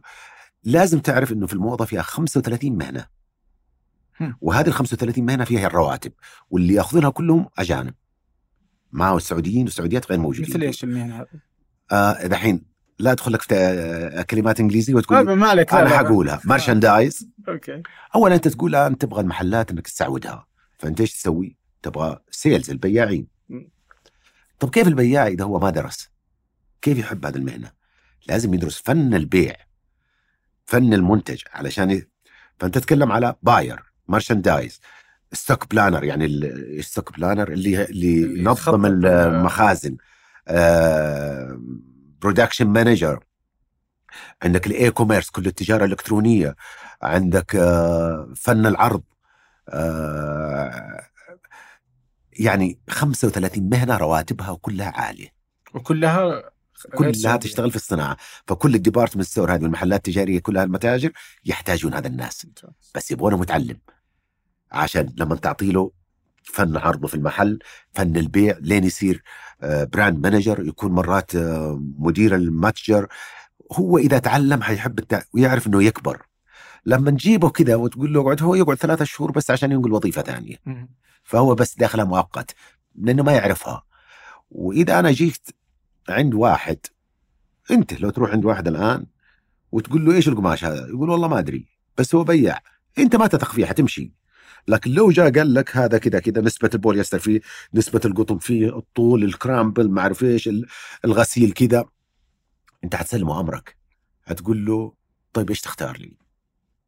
هذا فن. هو إذا وصل لهذا الشيء يصير مدير مبيعات يصير. الحلم عنده من التعليم إنه عشق هذا الشيء. إذا لازم نعمل أكاديميات. عشان هذا الموهوبه اللي تصير لأنه مصمم بدون هذا الموهوبين ما حيسوي شيء. يعني يحتاج هال... صحيح بس في عندنا اليوم في جامعة آه، الأميرة نورة لا جامعة، بس آه، ماشي. آه، لازم. فن التدريس يتغير. لا كل التدريس كل التدريس مصممة أزياء مصمم. ما نحتاج مصممين أزياء. البلد يعني أنت بلد اولا ما عندك صناعة عشان تحتاج هذا العدد إنك تكون عندي 50 مصنع 60 ألف مصنع. المصانع تكلف شيء مهول. في مصانع لما تشوفها في الصين فيها 50 ألف م- ماكينة. كيف تنافسوا هذا؟ لا يمكن. لا يمكن. عشان كده لازم نركز على جوانب المهن عشان نعطي الوظائف بلاش نعطي الناس طريقة آه آه طريق خطأ للتعليم وبعدين في الأخير يقعدوا أو يرجعوا يسووا عبايات هي الأخير يدوروا يدوروا ويرجعوا يسووا عبايات فايش في مشاكل ثانية في ال- في في المشهد؟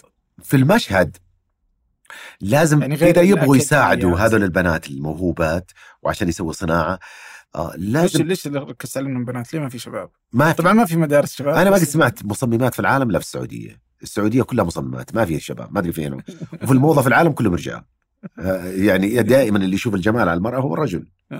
يعني آه، المرأة أصلا لو صممت شيء حلو اختارته لنفسها. يعني آه، أنا هي كلام تعميمات تعميم لكنه أكيد. بس المشهد هنا كله كلهم مصممات. صحيح. يعني عندي الشيء الثاني لازم هيئة الأزياء تعمل مع مع مكاتب مع وزارة العمل عشان تجيب هذول ال- البنات اللي بدأوا عمل أو شيء إنها تعمل لهم مساعدة في المصاريف التكاليف هذا اللي يأخذونها على العام إنهم يعفوهم عنها أو أي شيء آه عشان يقدروا ينافسوا يقدروا يعملوا شيء لأنه ما يقدروا يتحدوا بهذا الشكل.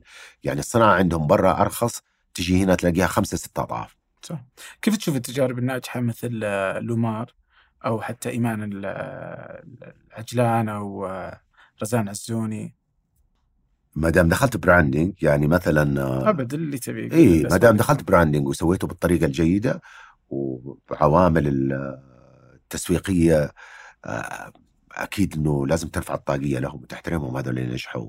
هو ما نجح من فراغ معناته هو بنى بشكل علمي وجاب مستثمرين عشان يساعدونا في هذا الشيء واقتنعوا المستثمرين في ادائه تحتاج ما ما أعرف عن البنات أنا ما ما, ما شفت البنات كيف تجاربهم. آه نحتاج دعم رجال الأعمال إنهم دائما يعطوا هذا المواهب آه، مكانة عشان يقدروا يبرزوه. أنت لو تشوف مثلا اليابانيين كيف وصلوا لأوروبا وأمريكا. كله بدعم رجال أعمال اليابانيين بس وصلوهم العالمية. فممكن هي بهذا الطريقة نفس الشيء هذا عندنا آه، متاجر كبيرة آه، عندهم القدرة إنهم آه، إذا شافوا واحدة ناجحة إنهم يوصلوها لمكان أكبر مهم. وش الأشياء اللي تصنع الموضة؟ الترند كيف يصنع الترند؟ الترند في ناس يختلفوا عليه ما هم فاهمينه يعني مرات يستغربوا يقول لك طيب ليش السنة هذه اللون كذا مم. واللون هذا كيف يعني أنا جيت بآخذ هذا القماش إيه. آه، الثوب آه، فكنت مع إخواني رحنا المحل يعني هذا من لومار المهم آه في يوم والله اللون أنا ما لي علاقة بأي شيء قالوا لي لا ما ينفع ليش؟ قالوا هذا الترند السنة الماضية قلت يا لا هذا كلام تسويق إيه. لا لا إخواني اللي يقولون ترى هذا حق يعني حبة بس السنة كله, الماضية كله تسويق لا, لا. فما أدري للري- فجأة إنه كلهم اتفقوا على اللون لا هذا بالنسبة للرجال ما في هذا الموضوع هذا هذا دائما ترند مع المرأة. آه. آه الرجل يعني آه، اللي يعمل الترند مرات في قص في ما أدري الثوب هذه أول مرة أسمع في الثوب لكن لأنه اللي هي في الأخير هي مجموعة ألوان وأقل شيء ما قد سمعت الثوب إنه خمسة ألوان أو ستة ألوان. لكن على كل إيه. آه، خلينا نقول حتى لو صار في ترند للثوب. دائما الترند يبدأ من صناعة الأقمشة. ما يبدأ من المصممين من صناعة الأقمشة. فاتحاد الأقمشة اللي صنعوا يجتمعوا على إن إحنا السنة هذه هذا ال fabric إنه مثلا الألوان نحط خمسة ألوان ثيم. وبعدين مشكلة الموضة ما حد يعرف إيش فيها. الأزياء الراقية تختلف عن الأزياء الجاهزة عن الكاجوال عن ال sport خطوط كثيرة مختلفة يعني وحتى لما يجي يقولوا ليش ما نصنع هنا؟ المصانع في العالم مرات مصنع القميص يختلف عن مصنع البنطلون عن مصنع التنورة. كل مصنع مختلف تماما عن الثاني. تلاقي مصنع كامل بس يسوي قميص. تلاقي مصنع كامل بس يسوي نوع معين ما يقدر يسوي ما في مصنع يسوي كل شيء. آه بعد كده يعرضون هذا الأقمشة مثلا لو قلنا في يناير حيقدموا لبس الصيف. من هنا المصممين يجوا يلتقطوا هذا الألوان ويبدأ وين عارف الترند إنه هو خمسة أو سته ألوان لل ready to wear أو للسهرة أو فالناس كثير يعتقدوا إنه المصممين هو اللي يبدأوا ال trend ال trend في ال color هو دائما يبدأ من الأقمشة لأنه كمان عند صناعة الأقمشة عندها مصممين أقمشة. آه. فهي اللي تبدأ منها. فأنا أنا كنت أتوقع إن الترند آه، يبدأ من ان الناس تختار هذا الشكل. لا لا لا. تبدأ من هنا بعدين يبدأوا. يحطوها المصممين ياخذونها ويبداوا في عروض الأزياء بعدين تبدأ تن- تنتشر. طيب اليوم في أكثر من يعني ال- العلامات وال brandات السعودية كثير اليوم. آه فحتى يعني في نيويورك آه سوت 100 السعودية. 100 brand؟ إي فسوت السعودية الظاهر إنها كانت مع وزاره السياحة والثقافة لا لا هيئة الأزياء. هيئة الأزياء؟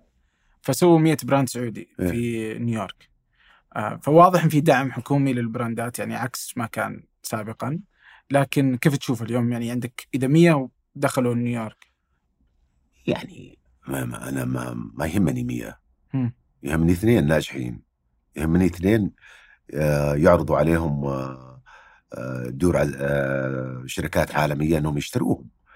يعني تحط لي 100 أو شيء ما ما ما ما ما تعمل لك إضافات بعدين أنت كيف تحطهم هناك مثلا آه، في الأخير أنت في الأخير سويت بازار.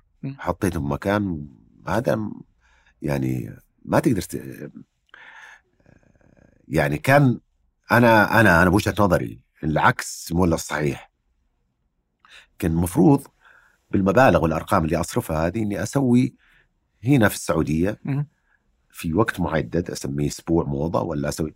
وأجيب هذولا. أنتم 100 50 60 ما تفرق. كل واحد يقدم اللي عنده. أنا علي عشان أدعمكم في البداية أختار هذا الصالة وأحط الفلوس اللي بصرفها في الدعاية في نيويورك أو شيء أجيب باير وأجيب إعلام influencer على هذا المكان وينطلقوا من بلدهم. هذا ال buyer اللي جو شافوا وعجبهم هم حيعرضوا على هذا ال- المصمم والمصممة.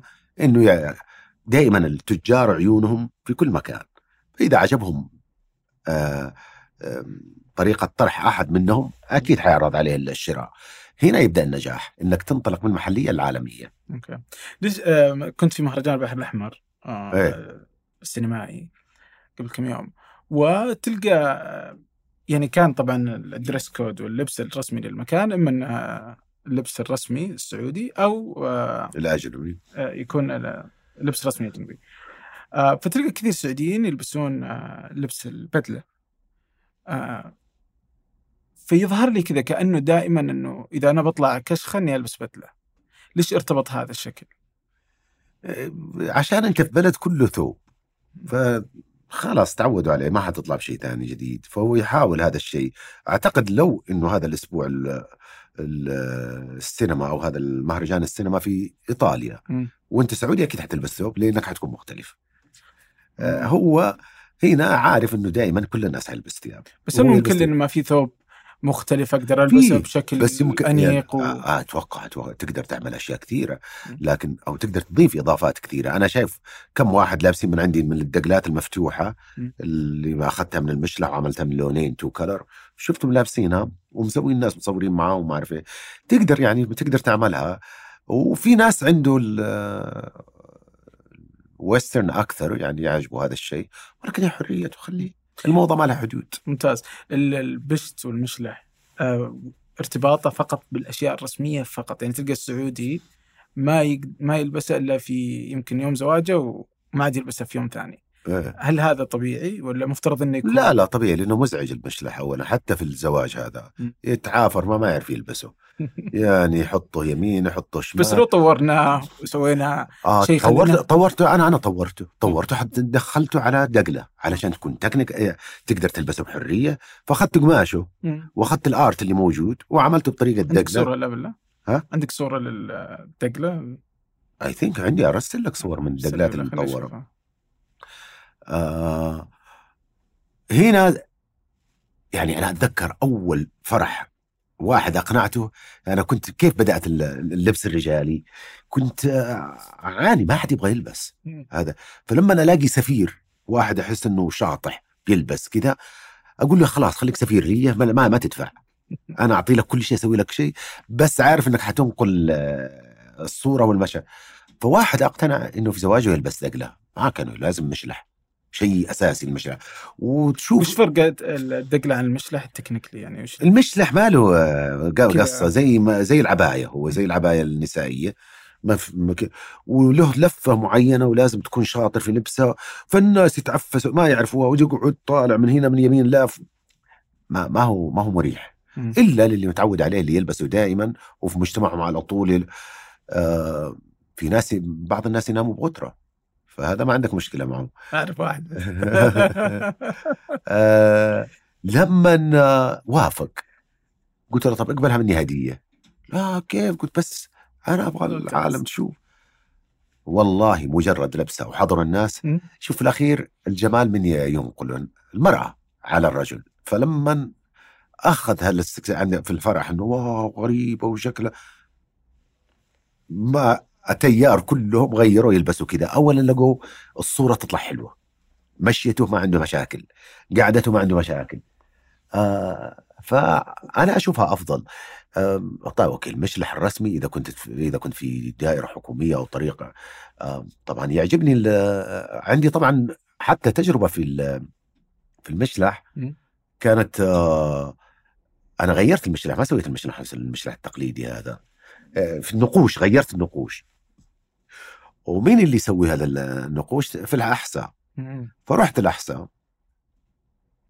وغيرت النقوش وطلبت إني أعمل هذا النقوش. طبعا طالعوا فيا قالوا أنت مجنون ولا؟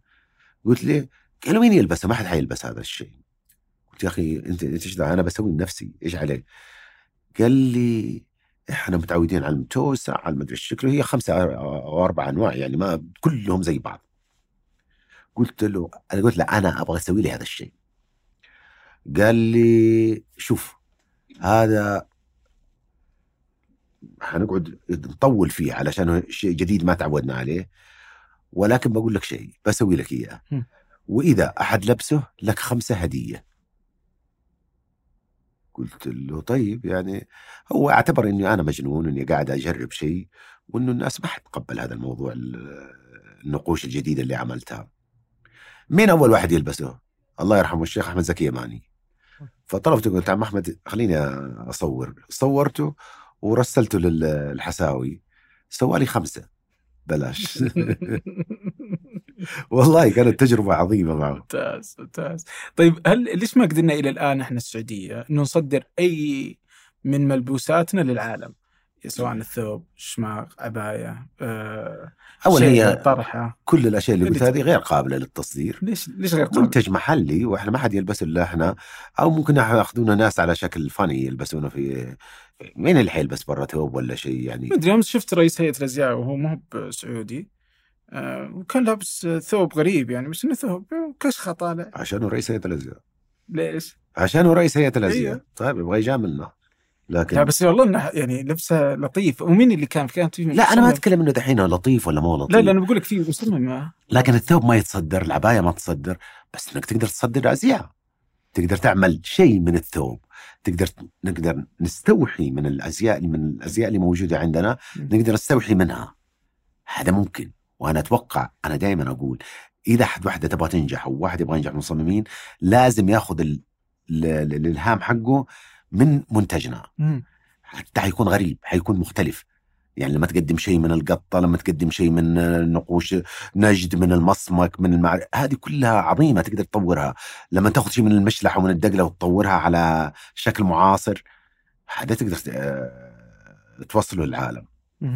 بس يعني إن العالم قدر يوصل أشياء يعني كثيرة لنا وأدري يمكن إنك تيجي تقول البدلة عملية وما بعملية بس برضو البدلة الرسمية آه، فيها تعقيدات كثيرة ومع ذلك الناس تلبسها وإحنا لا بس نلبسها العالم يلبسها. أنت واحد الحين تبغى تصدر منتجك هذولك يصدرون العالم كله. فكل العالم واحد متوحد على لبس معين. كل العالم متوحد على لبس معين. أنت تجي تخترقه تقول لك لا البسوا من لبسي؟ ما ما يمكن. يعني إلا إذا سرت على نفس التكنيك. يعني أنا عامل عرض أزياء عام 2006 للرجال في باريس. مم. عرض في أسبوع الموضه في باريس. أستوحيت من الشماغ أستوحيت بس عمل جاكيت وأخذ منه المرودن مثلا أنزله بقطعة صغيرة. هذا اللي تقدر تأخذه. إنك توصل لهم شيء من ثقافتك. مم. بس مع التكنيك المعاصر. تلقى العبايات إذا تكلمنا عن العبايات. آه، يعني يحطون ممكن إنك تقدر تصدرها ك كلبس. للشتاء لا تقدر تصدرها جاكيت. جاكيت طويل. اي لكن جاكيت طويل. طيب. تاخذ ال inspiration مثلا من ال art اللي عندك من المعرفة إيش. yes. بس آه، بس ما تقدر ت- ما تقدر تسوي تصدرها بطريقتها. إلا ممكن للمجتمع الإسلامي.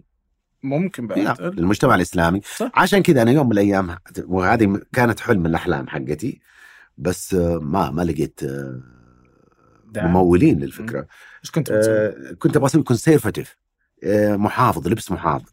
اللبس المحافظ ما دام أنت في في مو أنا درست المرأة. السعودية في مجبورة وفي اختيارية. حلو. المجبورين كثير عددهم؟ أكثر من الاختياريين هذه المجبورة ما دامها مجبورة انها تلبس كذا طب كيف أقدم لها شيء؟ آه أنيق. أنيق. وي- وي- ويلام ويحاكي الموضة. وعملت على إنه فكرة كاملة أن يصير البوتيك كله عندها الحرية أنها تختار أكثر من قطعة coat طويل بشكل معين وتنسقها كلها مع بعض بألوان آه. ويكون في جانب الميك أب الخفيف اللي ما يبين وال perfume اللي ما يعطي اذا كنت أعملها conservative وسويته project conservative جات عرضوا علي كانت زوجة رئيس آه، وزراء ماليزيا. بس تبغى تحطه تحت آه، مسمى إسلامي أنا قلت لها الموضة ما تصلح إنها تحط تحت ديانات خلي الديانات شيء عن آه لو تكلمنا مع الحكير وكانوا داخلين في الفكرة وما ما كملت ولكن أنا أظن العالم الإسلامي كله يحتاج آه زي محافظ آه brandات محافظة بهذا الشكل. على مستوى العالم الإسلامي تتكلم ماليزيا، اندونيسيا، تركيا، إيران، دول الخليج، مصر المسلمين في يا. أوروبا وفي أمريكا وفيه. عدد كبير من النساء الغربيات من العالم كله اللي هم أصلا محافظين دي conservative ما تقدر تغير هي كذا ما تبغى تغير فعشان كذا أنا سميتها محافظ عشان يصلح لأي أحد wow. ما لا. ممتازة إن متى شاء الله. ها متى كانت الفكرة؟ آه عرضتها قبل آه يمكن عام 2014 آه. وخلاص كانت الفكرة حتبدأ وما اعرف إيش وإن علشان تصير boutiqueات منتشرة في كل مكان. اي لا لا والله فكرة رهيبة يعني فعلا يعني سواء في العالم الإسلامي أو في خارجه. كل مكان موجود موجودين محافظين موجودين. الله يعطيك العافية والله. وياك. شكرا لك. شكرا لكم. شكرا لعبد العزيز المزي وضياء مدني في الهندسة الصوتية ووهاب موسى في التصوير. وجميل عبد الأحد في التحرير وعبد المجيد العطاس في التلوين وساعد في الإنتاج أصيل بفرط.